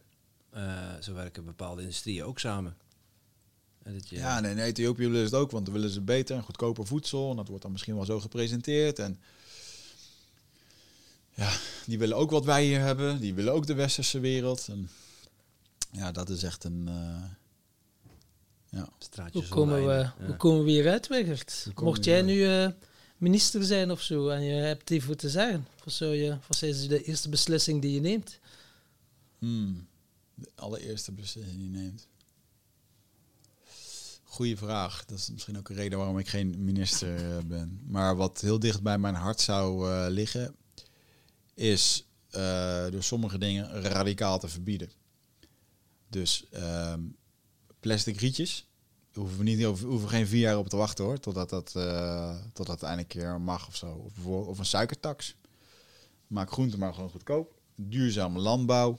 Ik denk dat het ook heel goed is dat we, dat we Nederland sterk maken voor Nederland. Dus dat wil zeggen dat we niet, is te gek dat onze aardappollen eh, richting Polen gaan en dat wij weer aardappollen uit, uit Polen halen. Of dat de rivierkreeften die we, of de, de garnalen die we uit de Noordzee halen, die worden naar Marokko gevlogen om daar schoongemaakt te worden. En liggen ze hier in Albert Heijn weer in de. Dat, dat, ik, ik vind dat verbazingwekkend. En, en daar zouden we met z'n allen gewoon eh, een punt in moeten maken. Maar ik denk wel dat een van de grootste vooruitgang die we erin zou kunnen maken, is om de grote bedrijven gewoon eh, heftig te taxeren. Belasting te heffen. Want ik, denk dat, eh, ik denk dat dat de grootste veroorzakers zijn. En als die bijdragen aan de belastingen, ja, dan, dan is er geld over om, om te werken aan, eh, aan, ondernemerschap voor een duurzamere toekomst en een betere wereld. Of onderzoek in de Amazone naar de medi- medische Ja. effecten van planten. Ja, en ook die hele insteek. Hè, dat, eh, en dat- ik snap dat ook wel. Ik bedoel, als ik ondernemer zou zijn en ik zou hier een eh, magic potion hebben, waarbij we zeker weten dat, eh, ja, dat we binnen een jaartje eh, dat er geen kanker meer is. Ja, dat is voor mij als, als uitvinder is dat echt een soort van perfect iets. Wauw, gaaf, Ja. dat gaan we doen. Maar op het moment is daar alweer een, een, een bedrijf in komt of investeerders of geld, dan ja, hoezo? Maar we hebben er net 2 miljard in gepompt. En dan gaan we 1, eh nou, oké, dan gaan we 1 miljard verdienen. Of 10 miljard. Maar ja, eh, kan ook nog veel langer. Zo wordt er dan gewoon letterlijk over gesproken. Ja, en als er dan achter komen dat dat toevallig gras is, wat overal in Nederland groeit, Ja, en je het niet kunt vercommercialiseren, ja, dan ga je overal verkondigen dat eh, gras ongezond is om te eten. ja. En dat, ja, dat is te gek voor woorden. Dat een 20 jaar- disclaimer, gras, is, gras helpt naar mijn weten niet tegen kanker. Ja. Nee, zeker niet. Maar ik bedoel, als je bijvoorbeeld kijkt naar hoe dat eh, vroeger van die Camel-sigaretten werden aangeprezen door doktoren op advertenties. Joh, we worden al al honderden jaren worden we misleid. En ook wat er nu gebeurt, is gewoon weer een herhaling van, van wat er altijd is gebeurd. Wat in mijn ogen nu anders is, is dat de gordijnen wat omhoog worden getrokken, we internet hebben en het veel sneller gecommuniceerd kan worden. Hè, maar ehm, ja, dit, dit, dit, dit waar we nu in zitten en, en de cyclus waar we nu in gaan, dat, dat herhaalt zich gewoon weer. En we zitten er gewoon middenin. En wat zou je de luisteraars of de mensen uh, als raad willen meegeven? Blijf in je vertrouwen en ga in die, in die liefde. Uh, durf, ja, vertrouwen. Ja, dat, ik, denk dat, ik denk dat het eerste wat daarmee, wat daar super belangrijk in is, is dat je zelf, dat je, dat je voor jezelf durft en kan staan. En daarmee kom je op een hele essentiële vraag. Van ja, wie ben je? Wat wil je? En hoe wil je dat gaan doen? En ik denk dat het een hele. dat heel veel mensen niet weten wie ze zijn. Sterker nog, hè, de uh, yoga, uh, uh, een marathon lopen of ayahuasca doen of wat dan ook. Het laat je uiteindelijk herinneren wie je bent. Diep in de kern, als we alles er even afstrapen, alle verslaving, alle pijn, alle trauma, dan is dat ergens de Tim of de Tom of de Wigert die daar rondloopt. En um, ik denk dat het heel erg goed is op het moment als we er dus meer aandacht aan zouden besteden, ja, wie je daadwerkelijk bent. En dat betekent dus tijd spenderen met jezelf. Maar daar krijgen we eigenlijk geen tijd voor, want ja, je wordt overal ingeduwd, we gaan overal in mee. En, en ik denk dat er een hele mooie, van de week zat ik daar een mooie diagram van te maken voor een van mijn werkboeken. Um, hoe we daar doorheen gaan als, als mens. Heb je vaak de hero's journey, uh, daar eens over gehoord. Nou, een beetje zo'n cyclus. Dat in het begin als we jong zijn, dan wil je gewoon een bepaalde plek veroveren. Je wil, je, je wil iets betekenen, je wil iets zijn. Hè? En, en vaak op het moment als je dat plekje dan hebt bereikt, dan wil je dat plekje behouden. Maar uiteindelijk komt er een, ja, een grotere vraag. En dat is, ja, oké, maar wat, wat, doe je nu eigenlijk? Wat wil je zijn? Waarom ben je hier? En dat is een beetje de spirituele kwestie waar we, denk ik, met z'n drieën nog steeds in zitten. Um, wat, wat, wat er eigenlijk voor zorgt dat je terugkijkt op jezelf. Dat je denkt van ja, maar waar ik nu ben, dat is echt niet wat ik moet doen. Ja, dus je had die weg wel nodig om daar te komen. En, ik denk dat, en ik denk dat daarna uiteindelijk iets overstijgends komt waarvan je echt een diepe gevoel hebt van ja, dit, dit ga ik gewoon doen. En dat zal nooit meer anders worden. Dat gevoel heb ik nu ook heel sterk. Dat... Spreken we dan over een soort ontwakend bewustzijn? Ja. Hmm. Ja, ik denk ook dat je op je 21ste dat het best wel lastig is om, uh, om dat te ontwikkelen. Want je, zeg nog, je bent uh, qua fysieke groei pas op je 25ste is je brein helemaal ontwikkeld. Uh, sommige beslissingen die ik op mijn 23ste maakte, die, was echt, die waren gewoon echt heel dom. Maar als ik er nu op terugkijk, gewoon fysiologisch gezien, ik was nog niet eens volgroeid. Weet je, dus wij worden veel te snel geacht om allemaal goede beslissingen te maken, terwijl we zijn zulke emotiewezens. En we maken iedere beslissing die we doen, dat is een hele interessante, iedere beslissing die je maakt, uh, geeft ons een bepaalde beloning. Dus uh, ook op het moment als wij ergens binnenkomen en we voelen onszelf ongemakkelijk, we doen onze handen in de zakken. Dat alleen al, die beweging, onbewust, geeft ons een beloning van veiligheid.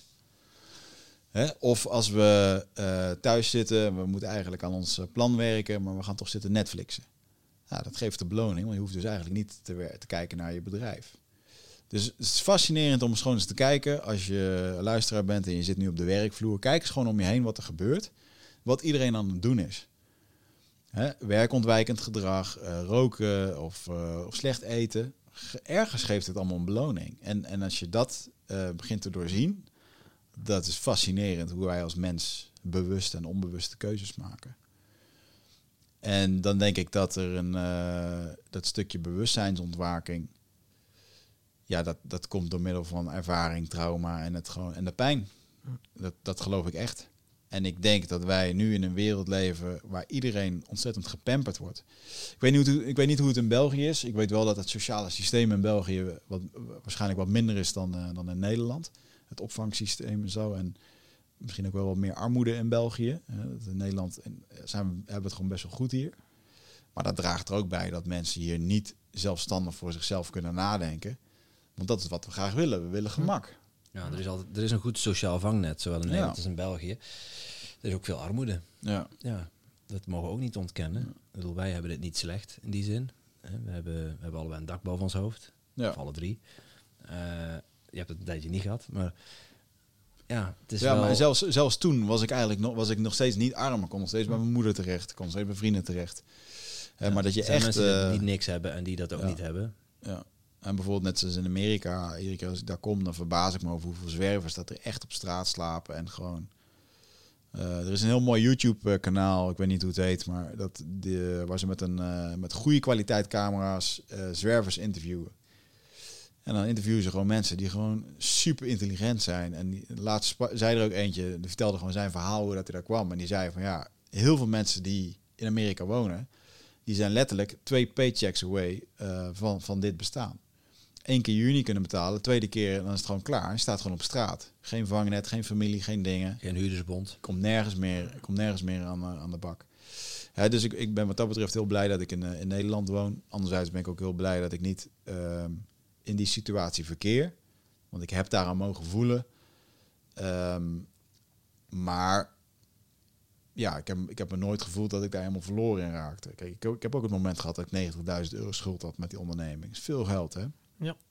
Er zijn ook mensen die nog meer schulden hebben. En, en, maar stel dat je die schuld hebt door gokken of door verkeerde beslissingen of wat dan ook. En, je verdient eh 1500 euro per maand. Ja, daar, daar kom je nooit meer uit. Eh, mijn broer die staat onder curatele omdat hij niet goed voor zichzelf kan zorgen. Die krijgt 35 euro per week. Ik ga boodschappen doen voor één avond en dan koop ik ook voor 35 euro spullen. Weet je, dat, dat is, ja. Er zijn heel veel mensen in deze wereld die een gevecht voeren met het systeem, met zichzelf en, met het leven, waar, waar, waar wij echt geen weet van hebben dat dat, dat, dat er is. En we hebben ook natuurlijk onze eigen pijn en onze eigen gevechten die we, die we vechten. Maar eh, om even terug te komen, wat zou je de mensen mee willen geven? En dan gaat het toch heel erg over een stukje zelfredzaamheid en jezelf leren kennen. En ehm, hoe mooi is het dat je voor jezelf kan zorgen, maar dat het niet even per se hoeft. Dus in de zin van de overheid zorgt goed voor ons. En dat zag ik gewoon heel erg in de coronacrisis.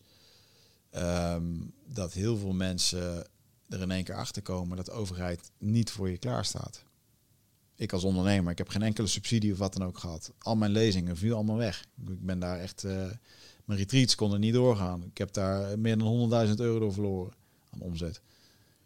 Ja, maar ik viel, niet, ik viel buiten de boot met, eh, met subsidies en zo. En dan kom je er toch wel achter van ja, niemand, niemand komt je redden. Ja. En dat is ook echt zo. En ook in de problemen waar mensen nu mee zitten, je stress, je burn-out, je relatie, niemand komt je redden. En dat moet je echt zelf gaan doen op een bepaalde manier. En daar kun je jezelf ook op voorbereiden door inderdaad al met jezelf aan de slag te gaan. Door, door de juiste dingen tot je te nemen, andere informatie te consumeren. Die tv eruit, weet je wel. Ik bedoel, ik kijk al twintig jaar geen televisie meer. Ik vind het verschrikkelijk. En, en, en het wordt alleen maar bevestigd met wat ik nu... Als ik nu naar mensen kijk en zie hoe dat ze omgaan met, met wat er gebeurt... en hoe ze daar hun waarheid van maken... denk ik, wauw man, ja, het systeem maakt je letterlijk ziek. En dat lijkt er nog bij gebaat te zijn ook. Ja. Is dat dan helemaal bewust? Misschien wel, ik weet het niet. Je- sy- ongezonde symbiose. Ja. Ja. En je sprak er net eh, van een gevecht. Mensen zijn met een gevecht bezig. Met wat gevecht ben jij nu momenteel bezig? Ehm, het gevecht wat ik op dit moment eh, ervaar is dat ik ehm, eh, dingen uit mijn leven aan het snijden ben. Bijvoorbeeld de voedingssupplementen dingen, dat zijn we aan het verkopen. Ehm, te veel willen doen. Eh, en daardoor nooit helemaal het volledige eruit hebben kunnen halen. Dus ik heb bijvoorbeeld heel erg met Nutrifit, het supplementenbedrijf. Als ik een keer een slechte avond heb, dan voel ik me daar gefaald ondernemer over. En waarom? Omdat we, we hebben dat nu een paar jaar en ik kan het nu niet voor een paar miljoen verkopen. Waarom? Ja, er is gewoon geen aandacht heen gegaan. Want er waren andere dingen belangrijker. Maar iets in mij vindt het dan heel erg lastig om, om ja, je bent ook met eindbazen bezig geweest, je bent ook met je Indianenverhaal bezig geweest. En ik vind dat dan, er zit in mij iets die zich dan toch een beetje gefaald voelt dat dat er niet is gelukt.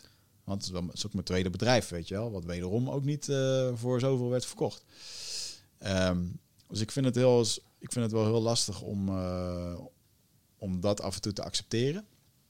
Anderzijds ben ik nu gewoon bezig met hetgeen wat ik de rest van mijn leven ga doen.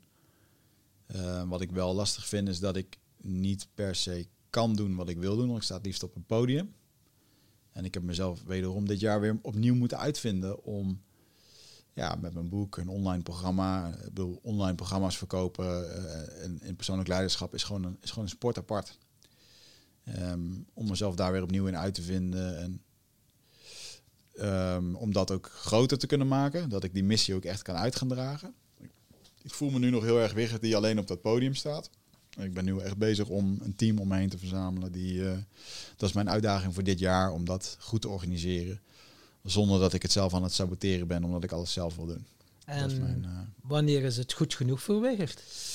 Ja, dat is een goede vraag. Um, nou ja, ik ga echt voor uh, de miljoenen boeken. Daar geloof ik echt in. En hoeveel miljoenen? Ja, dat heb ik nog niet helemaal helder. 23 miljoen? Nou, dat is wel, uh, ik weet niet. Geen idee.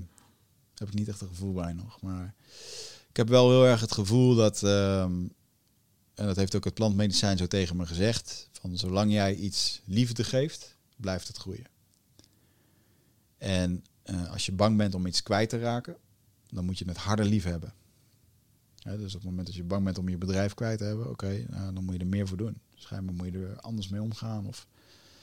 En, en ook het, uh, het boek, ja, ik heb daar gewoon heel mijn leven voor om dat te verkopen, om dat aan de man te brengen. En ik weet dat de internationale plantmedicijn community, die is echt gigantisch internationaal. En ik weet ook wel dat mijn doorbraak daar ligt. Dat is uiteindelijk ook de droom. Ik wil graag internationaal spreker zijn waar ik mijn hart voor vasthoud, is hoe dat, dat gaat plaatsvinden nu op deze manier. Want ik weet straks niet meer of ik kan reizen of dat ik wel wil reizen of hoe dat het eruit gaat zien. Um, maar dat is wel wat ik uh, echt wel heb gezien. Ja, dat ik het gewoon kan verspreiden op die manier. Kijk, in internationaal. Ik ga dus ook langzaam ook switchen alles naar het Engels toe.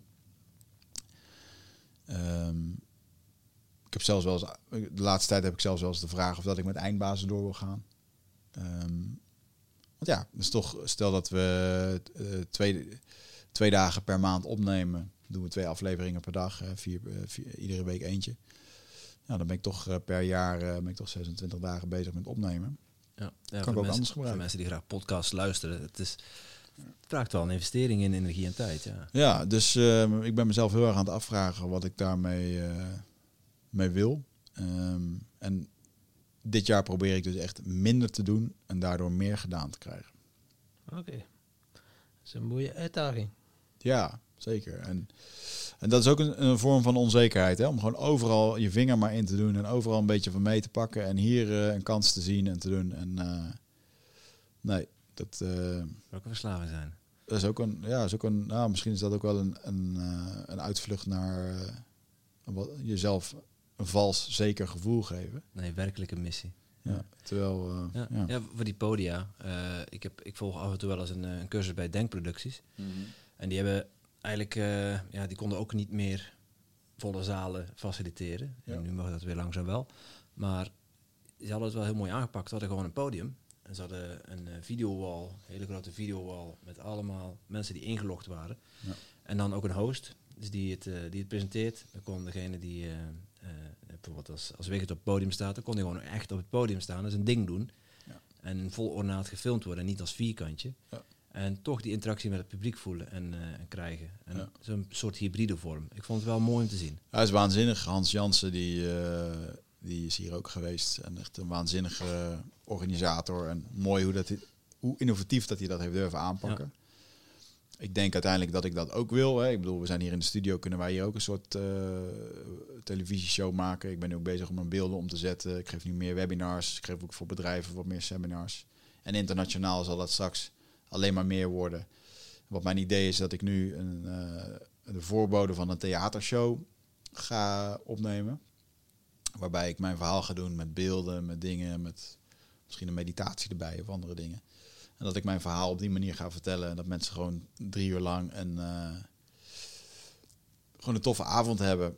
Uh, avondje thuis met een mooi verhaal, wijze lessen. En, en hopelijk dat dat tot een verandering uh, brengt. En ik weet zeker dat internationaal gezien dat er nog zo'n gigantische markt voor is. Zeker. En als je dan, ja, als je denkt aan internationaal en dan ook nog eens digitaal kunt combineren, kun je een enorm publiek eh, bereiken. En je- het kan ook allebei, het kan en-en worden. Ja, ja, ik weet nog dat ehm, Brandon Bouchard is een van mijn mentoren. Een bekende Amerikaan die eh, ja, ook veel op het gebied van persoonlijk leiderschap deed.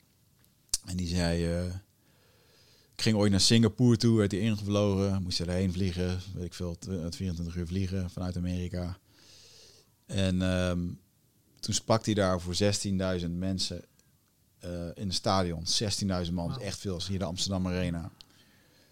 En dat hij daar eh, ja, eh, een mooie presentatie het helemaal top. En dat hij vervolgens naar zijn computer liep. En dat hij keek naar de nieuwste video die hij had geüpload. En dat zat gewoon al op eh 1,2 miljoen. En dat hij ook bij zichzelf naging van ja, als ik mensen wil bereiken, dan hoef ik ze echt niet allemaal één voor één in een, eh, in een stadion eh, te spreken.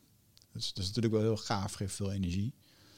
Maar er zijn zoveel manieren om het, ja, om het gedachtegoed te verspreiden. Ja, absoluut. Hey, Je hebt, je hebt met eindbazen enorm veel interessante mensen gesproken. Als je, als je top 5 zou moeten geven van gesprekken die je gevoerd hebt, welke poppen er dan op in je hoofd? Vraag is deze vraag is heel vaak gesteld. Jammer. Maar in de zin van, ik heb er nooit echt een eh, eenduidig antwoord op kunnen geven. Want ehm, er zijn zoveel gasten waar ik echt een eh, bijzondere band mee heb of leuke energie mee heb. Wat mij onwijs inspireerde was Wouter Tavecchio, eh, directeur van IDT, hè, van de grotere dancefeesten. Het, heeft eigenlijk helemaal niet over dancefeesten gegaan, maar meer over zijn pad, spiritualiteit. En die had ik in januari dit jaar opgenomen. En daar kwam, liep ik echt weer naar buiten en dacht ik, ja, dit is waarom ik eindbaas had opgenomen. Van het gevoel van, dit was tof. Uniek gast, goede vibe. En dat ik echt wel enthousiast was. En ik, ik merkte dat ik ook een beetje in de valkuil was getrapt van... Ja, er moet iedere week content komen. We moeten eh, afleveringen doen. Dat, dat ik af en toe ook gasten zat te interviewen die ik wel interessant vond. Maar waar ik dus niet die super spark mee had.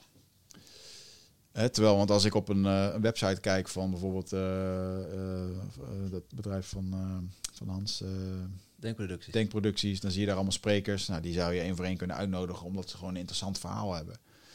Maar om echt weer aan tafel te zitten en echt te denken, ja, dit is een gast, dat vind ik echt heel tof. Maar dat had ik bijvoorbeeld ook met, met André Kuipers. Die kwam na vijf jaar hier, die astronaut. Dat vond ik leuk. Ehm, ik heb ook heel erg genoten van eh, Jan, ehm, Jan Terlouw, Nederlandse schrijver. Mochten we bij hem thuiskomen. Op, eh, op audiëntie noem ik het dan altijd maar. Oud politicus, schrijver. En, ja, vond ik heel tof. Ehm, en bij, eh, dat, ik uit, ja, dat we de commandant hadden van het Korps Commandotroepen hier. En dat ik uiteindelijk ook daar terecht mocht om, om mee te doen met de selectie. Ja, dat zijn herinneringen, dat is waanzinnig. Dat, Daar eh, heb je zelf ook wel een keer bewezen. Eh, bij de mariniers daar. Ja, de commando, commando's moet je zeggen. Ja, Anders commando's. Dan, eh, Ah, krijg, ja, je- oké. krijg je ruzie met eh, beide partijen. Dan sturen ze een paar commando's op ja. Maar ehm, ja, ook dat was ook gewoon... Kijk, wat ik in de jungle heb opgezegd was de absolute stilte. En eh, ehm, de absolute stilte om jezelf te leren kennen. En bij die commando's eh, heb ik weer de absolute eh, herrie opgezocht. En de chaos. Wat uiteindelijk op dezelfde knoppen duwt van, eh, van waarom je bepaalde dingen doet. En ik denk, waarom heb ik dat gedaan? Was ook weer, ook weer een bepaalde vorm van bewijsdrang en, en het willen ervaren. En, laten, en misschien ook wel laten zien naar mezelf dat ik het kon. En, maar ook dat jaar heeft me gewoon weer zo hard doen groeien, eh, spiritueel gezien. En, Toen me even denken, ik denk dat Edwin Selei in een van zijn podcasts zei of zo. En hij refereerde naar u, dat was iets, je moest een bepaalde afstand Ja. lopen. En ja, het was pas na een uur en een half dat het jou lukte of zo. ja. Ja, dat, eh, in het begin ben je dus helemaal fit. En dan eh, laten ze je gewoon oefeningen doen. Eh, dan moet je, moest ik, we moesten een paaltje aanraken bij de rand van het bos. En dat lukte ons maar niet. Iedere keer kwamen een paar seconden tekort. Ja, kreeg je allemaal andere oefeningen. En helemaal afgemat. Gewoon het bloed op je knieën hing. Je nagels uitgescheurd. En gewoon helemaal naar de kloten. En dan vervolgens zeiden ze van jongens, we gaan pas naar huis als we dat paaltje doen. Dan dacht je, oh ja, dat paaltje, dat moest ook nog. Maar hoe dan? En ja, ze weten je dan toch zodanig op te peppen eh, of samen te laten werken dat het dan in één keer wel lukt. En dat je denkt, ja, hoe, weet je, hoe hebben we het nu wel gehaald? En, en dat, dat geeft wel echt de, de menselijke psyche weer over hoe krachtig je kan zijn. Dat als je echt iets wil, want je weet als, als het nu niet halen, dan wordt het straks alleen maar nog zwaarder. En, en, en dat stukje. ehm, dat stukje aanraken van de menselijke psyche, dat doen we veel te weinig. Wordt ons niet geleerd. En ik denk daarom dat eh, ik, ik, ben niet ik ben niet voor oorlog en zo, maar ik denk wel dat militaire dienst voor heel veel mensen eh, heel, heel vormend kan zijn in een, eh, in een eigen kunnen, in een eigen geloofsovertuiging, in een eigen kracht, samenwerken. Dus ik, eh, ik weet niet of ik het zou verplichten. eh, als ik de minister hier was, maar ik zou er zeker wel, nou, zeker voor mannen, denk ik wel dat, het, dat er bepaalde rite of passages moeten zijn voor dat, voor dat man zijn, voor dat stukje even omarmen wie je diep van binnen bent. En je hoeft echt geen agressief beest te zijn of zo, maar eh, je moet wel weten dat het in je zit. Is dat dan een soort oerkracht dat Ja. dan naar boven komt? Ja, zeker wel. Ja. Ja. En hetzelfde met eh, als je dan kijkt hoe wij in Nederland omgaan met het eh, met man-vrouw zijn of gewoon of, of in België ook. Er zijn niet heel veel vaders die zeggen tegen hun zoon van joh, je wordt nu 16 jaar. Voor je 16e, je wordt nu gewoon een volwassen kerel. Eh, we gaan gewoon een week naar Zweden toe. Dan gaan we bushcraften. En eh, dat doen we gewoon als inwijding of voor jou naar het volwassen leven. Dat is een hele mooie manier om gewoon eh, een moment te nemen. Om eens even terug te reflecteren op de afgelopen jaren. En wat je nou wil vorm gaan geven aan de toekomst. Wat voor man wil je eigenlijk zijn? En dat, dat soort vragen zijn mij echt nooit gesteld op die leeftijd. Hè? Of voor vrouwen die dan de, hun, hun vrouwelijkheid mogen omarmen of, of iets mogen doen. Of, dat zijn rituelen die, die eh, om een of andere reden cultureel kapot gemaakt worden. Ehm, en, en, en daardoor vergeten. Maar het is wel iets wat we diep van binnen kaart nodig hebben. Want dat is, wat, dat is dus schijnbaar wat er gebeurt. Als je gewoon dan kijkt naar een stam die 3000 jaar in de bossen leeft, over heel de wereld, dan hebben ze allemaal hun eigen rituelen en rites voor dit soort dingen. En wij, eh, wij doen er gewoon niks meer mee, omdat we het niet nodig vinden of onzin. Of... Sommige zijn ook wel ik bedoel, als je lichamelijk eh, iemand kan verwonden of wat dan ook, dan, dan vind ik daar ook het mijne van. Hè, of dat je bijvoorbeeld bij een gang eh, wil aansluiten waar je eerst in elkaar gerost wil worden, moet worden om erbij te horen. Dat vind ik de verkeerde vormen van initiaties. Ehm, maar dat bestaat wel in Nederland, ja. En ik denk, ja, ik denk dat we daar meer aandacht aan mogen geven. Aan de juiste initiaties, de juiste rituelen, om mensen te vormen. Te vormen naar de volgende fase van hun leven. Welke ritueel die je gezien hebt of geleerd hebt bij de Indianen zou je graag naar het Westen brengen? Nou, een hele voor de hand liggende is bijvoorbeeld ehm, ehm, als een meisje voor het eerst menstrueert, dan moet ze een week lang alleen eh, het bos in. Ehm, wat dan heel ernstig klinkt voor veel mensen, maar uiteindelijk betekent dat gewoon, je gaat gewoon alleen eh, naar zo'n plek waar ik ben geweest. Eh, en je gaat gewoon tijd met jezelf spenderen en je gaat die vrouwelijkheid omarmen. In plaats van, eh, oh je bent ongesteld, hier heb je een tampon, eh, succes ermee. Hier heb je een flopfolder en eh, eh, weet je. Dus gewoon door met, met de plant, met ayahuasca, dus die vrouwelijkheid omarmen en, en, en dat ook gewoon, ja, met je mee te nemen.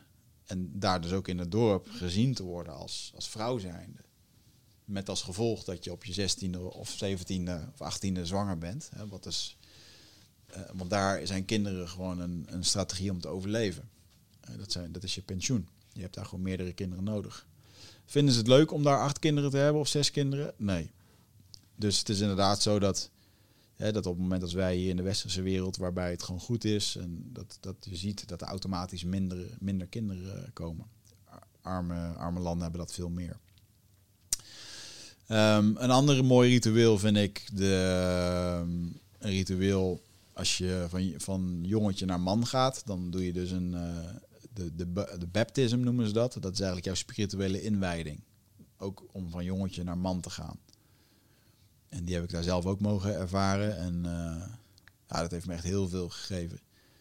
Ehm, ook, ook met ja, plantmedicijnen, kambo-kikkers, eh, vier dagen wakker blijven. eh, was een magische, dat, heb ik niet eens beschreven in mijn boek, maar daar kan ik nog een heel boek over, eh, over schrijven. Misschien moet ik dat maar eens doen.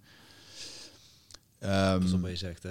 nou, dus ik heb sowieso wel wat ideeën om. eh, kijk, en een van de dingen waar ik me nu wel een beetje op wil richten is inderdaad van: oké, hoe, eh, hoe integreer je al deze dingen nu? En, en zit heel erg te denken aan een titel, eh, iets van Becoming Tribe Leader. Hè? Want je bent eigenlijk gewoon tribe leader van je eigen leven, van je eigen stam, van je eigen familie, maar ook voor jezelf, van je eigen bedrijf.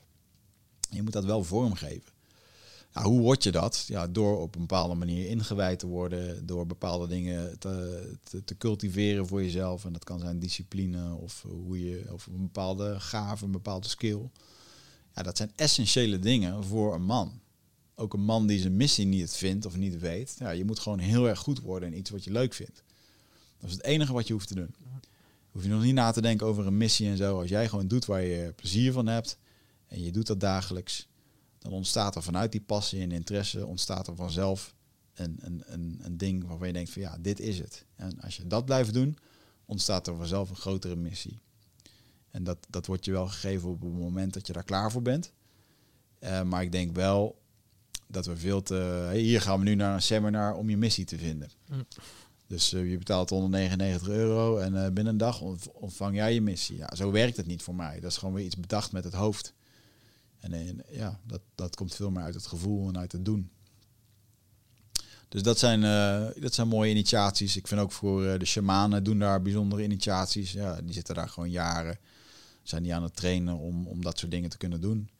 Um, ja, wauw, hoe bijzonder echt de heiligheid van het leven. Hè? Hoe bijzonder alles is. is gewoon, ik zag van de week zag ik de kleinste micros microscopische afbeelding van een, van een menselijke cel. En daar zag je van alles in. Dat was een, was een, een was een trip op zich, weet je wel. Ja, en dan, uh, ja, wauw, wat een, wat een finesse en wat een, uh, wat een schoonheid zit daarin. En dat beseffen wij echt helemaal niet.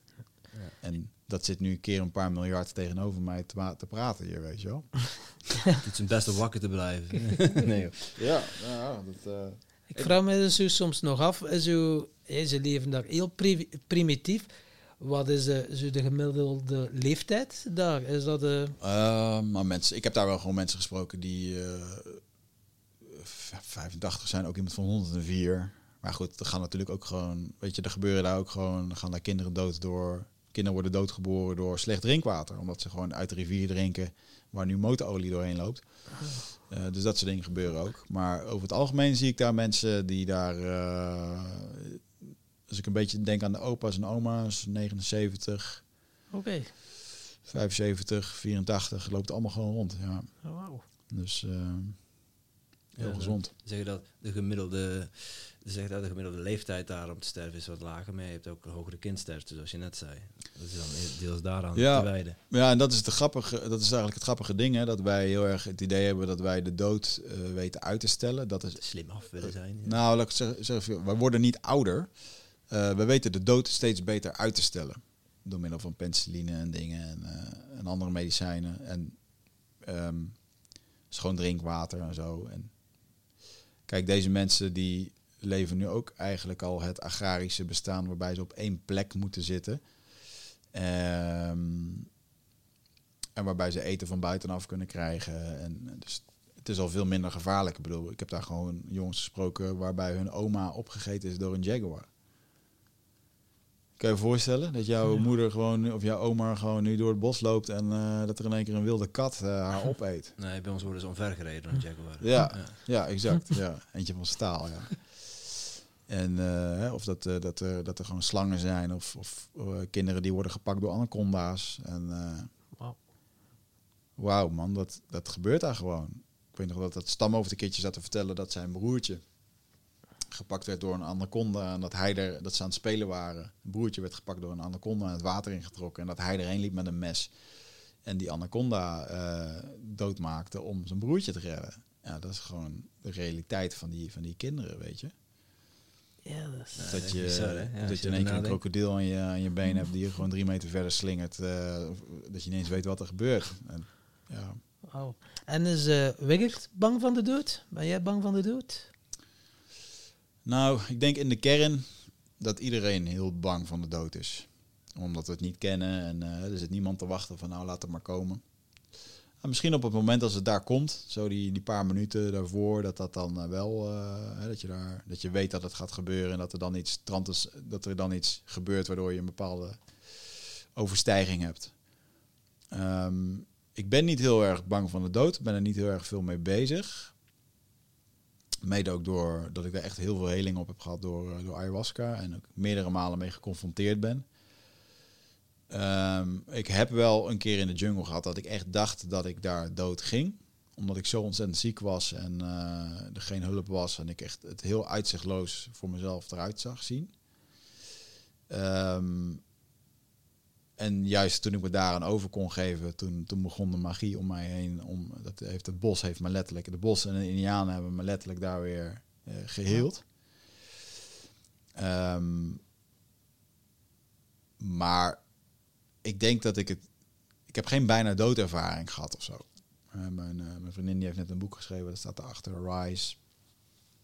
Waarin zij op de 16e uh, met een brommer tegen een scooter of een motor tegen een uh, lantaarnpaal aanreed en uh, echt in het ziekenhuis uh, bijna doodging. En, en die ervaring heeft haar leven echt veranderd. En ik denk dat dat doodgaan, in de kern is dat natuurlijk gewoon hetgeen wat ons vreest. Als jij zo meteen hier met de auto naar achteren rijdt en je, in iemand anders komt hard aanrijden, dan schrik je en vervolgens word je boos. Maar in de kern was je gewoon fucking bang om je leven te laten. Nu met corona ook. Ik bedoel, uh, ja, het is grappig. Ik ben heel erg bang uh, voor mijn vrijheid. En terwijl mijn compagnon Michel, die, die vreest echt voor zijn gezondheid. Door middel van het corona. Dat doe ik echt helemaal niet. Dus iedereen heeft daar zijn eigen angsten in. Ja, wel, je ziet dat nu al. Veel mensen zijn bang voor de dood, maar zijn nu al al gestopt met leven. Dan denk ik van, ja, leef toch gewoon dan. Ja, maar ik denk dat heel veel mensen dus niet beseffen wat dan echt leven is. Wat is echt leven? Dat je lekker je eigen eten verbouwt, dat je... Ja, dat je, dat je je eigen eten verbouwt, dat je met familie bent, dat je, dat je mag voelen, dat je het allemaal mag ervaren. Uh, dat je avontuur aangaat, juist om hè, jezelf te expanderen dat je een relatie hebt uh, waarbij je juist tegen elkaar zegt van oké, ik ga nu gewoon 40 dagen uh, een reis met mezelf aan, even zonder jou. Met de wetenschap dat, dat je misschien wel terugkomt en denkt van nou, we gaan het anders doen. En dat zijn allemaal dingen die, die mensen denk ik ook bewust, onbewust proberen te vermijden. Dus en wat is echt leven? Ik denk dat wij het niet eens weten. Nee. Omdat we alles maar halen in de supermarkt, alles wordt maar geregeld. Het is een manier van leven, maar ik, ik denk dat echt echt leven. Dus ook die eerbied voelen voor wat je allemaal aan het doen bent, wat je uit de grond haalt en beseft wat je om je heen hebt. Ja, dat is het echte leven. Ik denk dat je het ook alle twee moet meegemaakt hebben. Ja, vroeger ging ik ook wel naar all-inclusives, maar ja, alle ja. dagen uh, drinken, zuipen. Ik heb 25 jaar ambtenaar geweest, alle dagen onder de middag met collega's zuipen, tien pinten drinken en tot wanneer dat je dan een ja. shift maakt van fuck. Is dat het leven dat ik wil leiden? En dan uh, ja. Ja, denk je van nee, dat is het niet. En dan ga je pas beginnen leven en ga je voluit leven en je potentieel gaan ontdekken. Ja. Ja, dus wat is, wat is, wat is leven? Iedereen moet dat voor zichzelf inderdaad bedenken. Maar ik heb wel zoiets. Hè, de, de simpele vraag, als je nu als tijd, geld en ruimte niet zouden uitmaken. Uh, en je mag morgen kiezen wat je wil doen. Zou je dan nog steeds hetzelfde doen als wat je nu doet? Is een hele confronterende vraag. Want als ik dat vraag bij een publiek, dan zeggen ze, als ik vraag, zijn jullie gelukkig? Dan steekt bijna iedereen zijn hand omhoog. En uh, ja, je mag nu kiezen, je mag alles doen. Tijd, geld, ruimte maakt niet uit. Wie zit er dan morgen hier? Dan steek alleen maar de manager en de CEO een hand omhoog.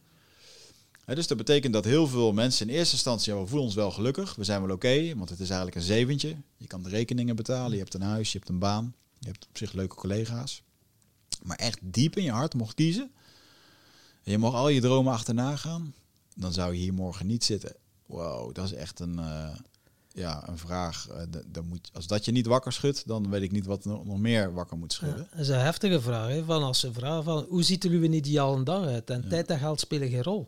Ja, ja ik moest er ook even bij zitten en zo van. Uh, ja, ja, mensen kunnen niet meer fantaseren en niet meer dromen. Je bent zodanig. Ja. Geprimed. Geconditioneerd, afgestompt. En uh, wat ik ook een hele mooie vind, als je leven een 9 is, moet je lekker doen wat je blijft doen.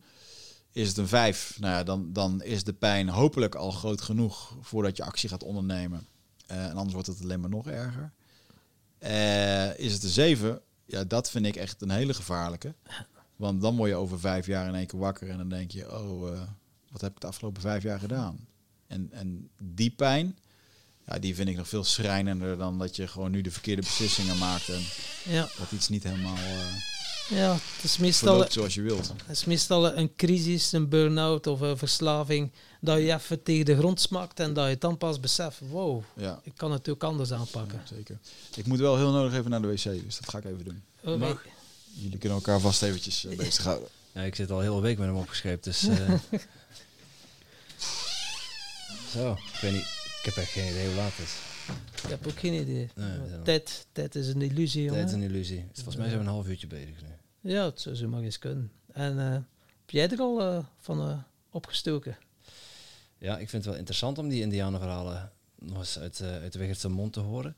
Maar het, ja, het, het meest interessante vind ik wel zijn, zijn visie op, op wat er momenteel gebeurt en het idee om suikertax in te voeren. Oké, Ja. Ja, Ja. Ik denk dat hij echt wel een verschil kan maken. Verrassend dat ik nu even niet zie aankomen dat je ging zeggen suikertax invoeren. Ja. Ja, mooi. Ja, te meer ook omdat ja, ze, in alle voedingsmiddelen die we tot ons nemen zit suiker. Koop Tuurlijk. de kipfilet en zit suiker in. En ik begrijp niet waarom en hoe en ja, wat dat, eh, dat er allemaal mag. En als we suikertax zouden invoeren, zouden heel veel mensen ja, wel van onderliggende kwaaltjes af, afkomen. Maar ja, als je dat weet dat voedselindustrie en farmaceutische industrie Ja, hand in hand gaat, is het vrij simpel uit te leggen hè, waarom dat er in alles suiker zit, denk ik dan bij mezelf. Ja, dat is eh, goed mogelijk. Maar ja, ik denk wel, als, als dat erdoor zou komen, dat dat een, eh, een hele grote shift zou kunnen betekenen in de, in de algemene gezondheid van mensen. En dus ook in het algemene geluk van mensen. Ja, het is eh, eerst afkicken van dat suiker. Hè. Ik ben wel afgekikt van alcohol en drugs. Maar dan ging ja. ik ook wel even ja, wat meer suiker consumeren. Ik moet eerlijk zeggen, als ik dan eh, de suiker ging gaan bannen in mijn leven, ja, dat was ook niet eh, van de eerste dag uit mijn lijf. Ik moet eerlijk zeggen, dat was, was een serieuze afkik. Echt wel vergelijkbaar met alcohol of, of met drugs. Echt wel draaierig, duizelig. En de, ja, de verleiding om terug weer naar die suiker te grijpen was wel enorm. Maar ja, nu gun ik het mezelf wel af en toe nog, alhoewel dat ik voel, vanaf dat ik het terug één dag doe, is het terug dat stemmetje eh, de volgende dag, oh, misschien nog een ijscream, oh, of misschien dat. Dat heb ik nu wel, eh, ja, controle is misschien niet de juist gekozen, maar ehm, ja, het is wel om... eh, Wat, wat mij echt opvalt, is dat nu ook in deze week, en, en we zitten nog in de zomertour, ook al is het al winter, als we dit eh, Hm. uitzenden. De honderd- honderdste aflevering, valt nog mee. Ehm, maar dat ik echt in een, hè, door, ja, door zo moeten zijn, door eh, eh, ook de burn-out waar ik momenteel in zit, dat het wel een uitdaging is om gezond te blijven eten. Maar als ik dan eh, gezond eet en ik eet dan suiker, bijvoorbeeld dat ijsje, dat ik echt gewoon helemaal instort.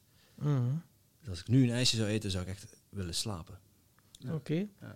De aflossing van de wacht. Ik ga ook even de deur laten piepen. Ja, een keertje olie overheen. Ah, uitdagende missie voor ons, eh, moet ik zeggen. We hadden het net over suiker. Mhm. Dat eh, is het laatste wat ik nu zou willen tot kunnen consumeren ook. Dat ik van jouw idee voor suikertax wel, eh, wel een mooie. Ja, weet je, als ik, als ik nu kijk, man, hoe ik... Hoe oud ben jij? 34? Ik ben 38 jaar. Als ik nu kijk hoe ik op mijn zestiende door het leven ging, waarbij ik soms twee flessen cola per dag dronk. Eh, roze koeken op school, appelkoeken. eh, ik mijn brood weggooide omdat ik het niet lekker vond. Worstenbroodje, weet je wel.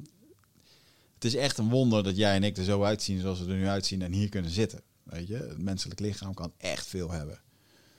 En ik, maar ik denk wel dat ik ben daar gelukkig ook op tijdig mee gestopt. En ik kan gewoon aan iemand zijn huid zien of zijn, zijn hele zijn en voorkomen. Zie je gewoon hoe dat hij eet of hoe dat hij leeft.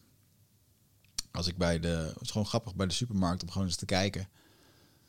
Van de man die voor je staat, die zijn spullen aan het uitladen is. Van wat heeft hij nou allemaal in zijn mandje? Weet je wel? En kijk dan gewoon hoe dat hij eruit ziet. Ja, heel vaak is dat gewoon, kan je dat heel goed Kun je die zien. parallel wat trekken, ja. Ja, aan de andere kant, mijn schoonmoeder lag onlangs in het ziekenhuis. En ja, als ik zie wat zij te eten kreeg. Het was witte boterhammen met kaas. En een potje yoghurt. Of vla. En de ene dag was yoghurt, de andere dag was vla. Yoghurt gesuikerd. En Ja. ik bedoel, het is ziekenhuis, hè? Mm. Die mensen zouden groente moeten krijgen. Of Ja. kippenbouillon. Of eh, in ieder geval volle yoghurt. Of, of in ieder geval eh, zonder suiker erbij. Ja. En Ja. ja. dat begrijpt niet dat, dat, dat je dan in een ziekenhuis... dat je, dat je de mensen zoiets geeft. Nou, daar komen we weer bij diezelfde... Ja, ja dat is lastig mode. om, dat, eh, lastig om dat goed in te vullen. Ik- Ja, we eten gewoon slecht. Ja, ja dat is een feit. Ja. En als je... eh wat wil ik vragen? Ehm, hier achter ons, hè? Mm. Daar staan jullie eh, attributen uitgestald. Ik heb ze net ook op de socials even onder de loep genomen. Als je er eentje mag kiezen om voor altijd te bewaren, welke zou dat dan zijn? Eh, ja, mijn boek. Toch wel je boek? Ja, zeker wel, ja. Ja, sorry hoor. Dat geeft niet. Even te gapen na drie podcasts op een dag. ja. Ja, het is heftig. Ik kan het Dus, eh, ik heb, eh, er zit nu al meer dan zes uur, te, zes uur te praten in deze microfoon. Ik ga ook even kijken. Maar ehm, ja, de, ja, mijn boek. Ja, op zoek naar antwoorden. Ja, zeker. Ja, het is toch wel echt mijn kindje. Je wil er ook zoveel mogelijk van verkopen. Dus eigenlijk mag je ook een lans breken. Waarom, waarom moeten mensen jouw boek kopen en lezen? Mm, nou, ik denk als je van persoonlijk leiderschap houdt, dat er heel veel boeken zijn eh, waar alle methoden en dingen heel mooi in beschreven staan. Eh, maar dat het niet overkomt, omdat het gewoon weer een methode is en weer een, eh, je moet het zo doen, je moet het zus doen. Dat laat ik eigenlijk helemaal los in mijn, mijn boek. Eh, veel mensen zullen dit misschien vreemd vinden, maar ik weet gewoon dat dit boek is gewoon geschreven met de energie van iets heel bijzonders. En dat zit ook gewoon in het boek. En dat krijg ik ook terug van, van, eh, van de mensen die het lezen. En dat is de reden waarom ik eh, 250 eh 5 sterren reviews op Bol heb. Eh, en dat groeit alleen nog maar omdat mensen dat gewoon voelen. En ze voelen niet zozeer eh de ayahuasca of wat dan ook, maar gewoon zichzelf door ook de kwetsbaarheid en de openheid in het boek. En ik denk dat dat de, de ja, dat geeft de magie erin. Die openheid en kwetsbaarheid van mezelf. Eh, wat heel veel triggert bij mensen om, om dieper na te denken over zichzelf. En de kernvraag van alle spirituele boeken en persoonlijk leiderschapsboeken is, is wat wil je? Wat wil je met je relatie? Wat wil je met, met geld? Wat wil je met jezelf? Met je eigen ontwikkeling? En een hele belangrijke om erachter te komen wat je wilt, is ja, wie ben je? En ik hoop mensen gewoon mee te nemen op dat, dat stukje reis eh, in het boek. En dat ze daar wat antwoorden gaan vinden op, eh, op levensthema's. En dat heb ik enerzijds heel luchtig proberen te verpakken, want de hoofdstukken zijn niet lang. Maar anderzijds eh, gaat het wel heel diep, diep, heel erg de diepte in over waar het over gaat. Dus eh, ja. Als je, als je jezelf zou moeten omschrijven in eh, persoonlijk leiderschap en persoonlijke ontwikkeling, gaat het vaak over kernwaarden, over wie je diep van binnen bent, Mhm. wat je hier op aarde te brengen hebt. Hoe zou je jezelf omschrijven? Welke kernwoorden zou je jezelf geven? Dat is een goede vraag. Ehm, absoluut als een, eh, als een boodschapper. Als een eh, inspirator. Hè? Want een, een, een boodschapper alleen is niet voldoende. Want dan zend je gewoon de boodschap. Maar het moet ook mensen echt activeren tot, tot iets. En ik ben daar nog lang niet. Maar voor, voor zover het wat betekent... eh, ja, voel ik me wel een soort shamaan. Ik ben echt een leerling shamaan, laat ik dat voorop zetten, want ik ben er nog lang niet. Kijk, en een shamaan die zorgt er gewoon voor dat jij een andere bril van perceptie opkrijgt. Zodat je jezelf, zodat je anders naar de situatie kan kijken en, en in één keer eh, inziet wat, wat er al die tijd heeft gemist of waar je naar verlangt. Dat is de enige taak. En, en ook door middel van het boek, als je dat leest, hoop ik dat je een andere perceptie krijgt op bepaalde dingen. Eh, waardoor het helende werk uiteindelijk ontstaat.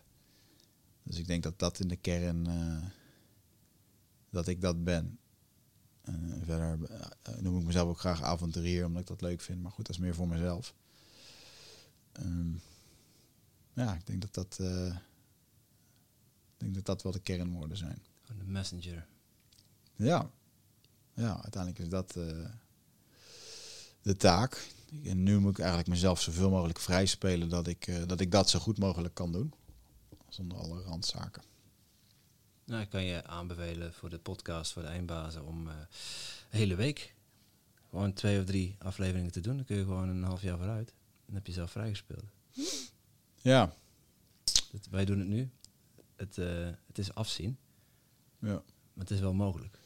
Ja, dat, dat is natuurlijk ook een vraag. Hè, van eh, dat afzien en dingen doen, dat, dat heb ik ook vorig jaar heel veel gedaan. Ik heb heel veel opgenomen. Eh, Michel wilde toen een tijdje niet naar de studio komen vanwege de pandemie. En ehm, toen heb ik gezegd, nou dan neem ik die taak wel eventjes op, maar dan ga ik dat wel even doen. Eh, en toen zat ik op een gegeven moment dus een beetje zo opgebrand eh, bij mijn therapeut. En toen zei ik van ja, maar ik moet hier uh, moet een podcast opnemen, moet dit doen. En toen zei hij, moet je dat doen? Of wil je dat doen? Dat is de vraag. En toen dacht ik echt, ja, shit, ik ben er weer met gestrekt been ingegaan. Ehm ik moest het van mezelf doen. Maar wilde ik het echt? En nee. Weet je, dus ik, het is nu heel makkelijk om weer een vorm te bedenken waarbij we heel veel afleveringen en content gaan pompen. Maar wil ik dat diep van binnen? Nee. Dat is een tweede, ja. En eh, dat is weer een hele, ja, gewoon voor de luisteraars, hè, of met wat je vandaag aan het doen bent. Of ehm, hoeveel van de dingen die je vandaag hebt gedaan, heb je gedaan omdat je ze wilde. En niet omdat je ze moest. Eh, moest van je familie, moest van je, van je vrouw, van je weet ik veel wie, van waar het allemaal van moest. Maar hè, echt diep in de kern dat je het echt wilde zelf. dat is echt een, uh, dat is ook een confronterende rotvraag. Een mooie vraag hoor. Ja. En bij Ik- moeten, sinds dat ik het woordje moeten heb eh, vervangen door het woordje ik gun het mezelf, is er veel veranderd. Ja. ja, dat is een hele mooie wat je daar zegt. Want ik kan ook wel eens met het bedrijf, als ik over mezelf praat, van oh, we moeten hard werken, we moeten dit, we moeten zus. Of oh, we hebben maar twintig mensen voor dat evenement. Ja, twintig mensen. Je hebt- Je hebt twintig mensen die gewoon in jou vertrouwen van ga het maar doen, weet je wel. En dat inderdaad, die, die framing is heel belangrijk eh, om dat op de juiste manier te doen. Ja, en mensen mogen dus zichzelf ook wel afvragen. Ja. Ik kan wel zeggen dat wij deze week echt wel de hele week gedaan hebben wat we wilden doen. Ja, En ergens voelde ik ook dat we dat moesten doen. Ja. Maar niet in de zin zoals... eh, zo, ja, echt in de zin van, ik gun het mezelf om dit te doen. Het is Ja. een hele mooie ervaring geweest. Ja, maar ik snap het ook wel. Het is vet avontuur, lekker naar het buitenland, een weekje weg, nieuwe mensen ontmoeten. Tuurlijk is dat eh, hartstikke inspirerend, weet je wel. Dus dat, eh, maar dat is, ja, om nou... eh, We moeten ook niet romantiseren. Dat, Ja, moeten, we, dat moeten we ook eerlijk zijn. Ja. Ja, ja, ja. Hier mensen in de studio laten komen, kan misschien eerder een beetje bandwerk zijn dan. ja, zeker. Ja. Ja. Dus dan, oh, je bent weer een kunstje aan het doen. En. Ik had het zelfs toen ik laatst een retreat gaf van drie dagen. Waarbij ik, eh dus eigenlijk mijn tegenantwoord om, om omdat je geen ayahuasca-ceremonies mag geven in Nederland, dacht ik van ja, ik wil wel iets organiseren en werken met mensen. Ik wil ze dezelfde helende ervaring geven, maar niet eh, met, met plantmedicijnen werken. Dus heb ik Rite of Passage bedacht. Eh, dynamische meditaties, bio-energetische oefeningen, persoonlijk leiderschap en, en shamanisme. Ehm, en, en de inhoud van het programma is onbekend. Het enige wat je weet is dat het heel erg oncomfortabel gaat worden. Want daar ligt de groei. En er zit een zweet bij, dat vertel ik ook altijd wel bij. Eh, dus een hele makkelijke marketing. Je hoeft alleen maar te vertellen wat er... Ja, ik kan nooit vertellen wat er gaat gebeuren. Ook met social media kan ik er niks mee doen. Eh, gek genoeg verkoopt dat het mak is dat het meest makkelijk te verkopende product wat ik, eh, wat ik heb. Is altijd uitverkocht twee maanden van tevoren. Ehm, maar wat ik daar ook altijd gewoon... gewoon ehm, hoe kwam ik hier nou op? Bandwerk. Ja, inderdaad. Ja, oh ja, dat was het. Ehm, dat ik de laatste keer die mensen gewoon vanaf de eerste minuut eh, aan de gang zet. En dan, dan zeg ik ook altijd van ja, wat je, wat je, wat je maandagochtend bij de koffieautomaat voelt, eh, dat ga je niet uitgelegd krijgen daar. Wat er hier dit weekend gaat gebeuren. En als je daar aan over kan geven, dan komt het goed. En vervolgens begon ik gewoon weer mijn ding, want het programma dat heeft zichzelf bewezen.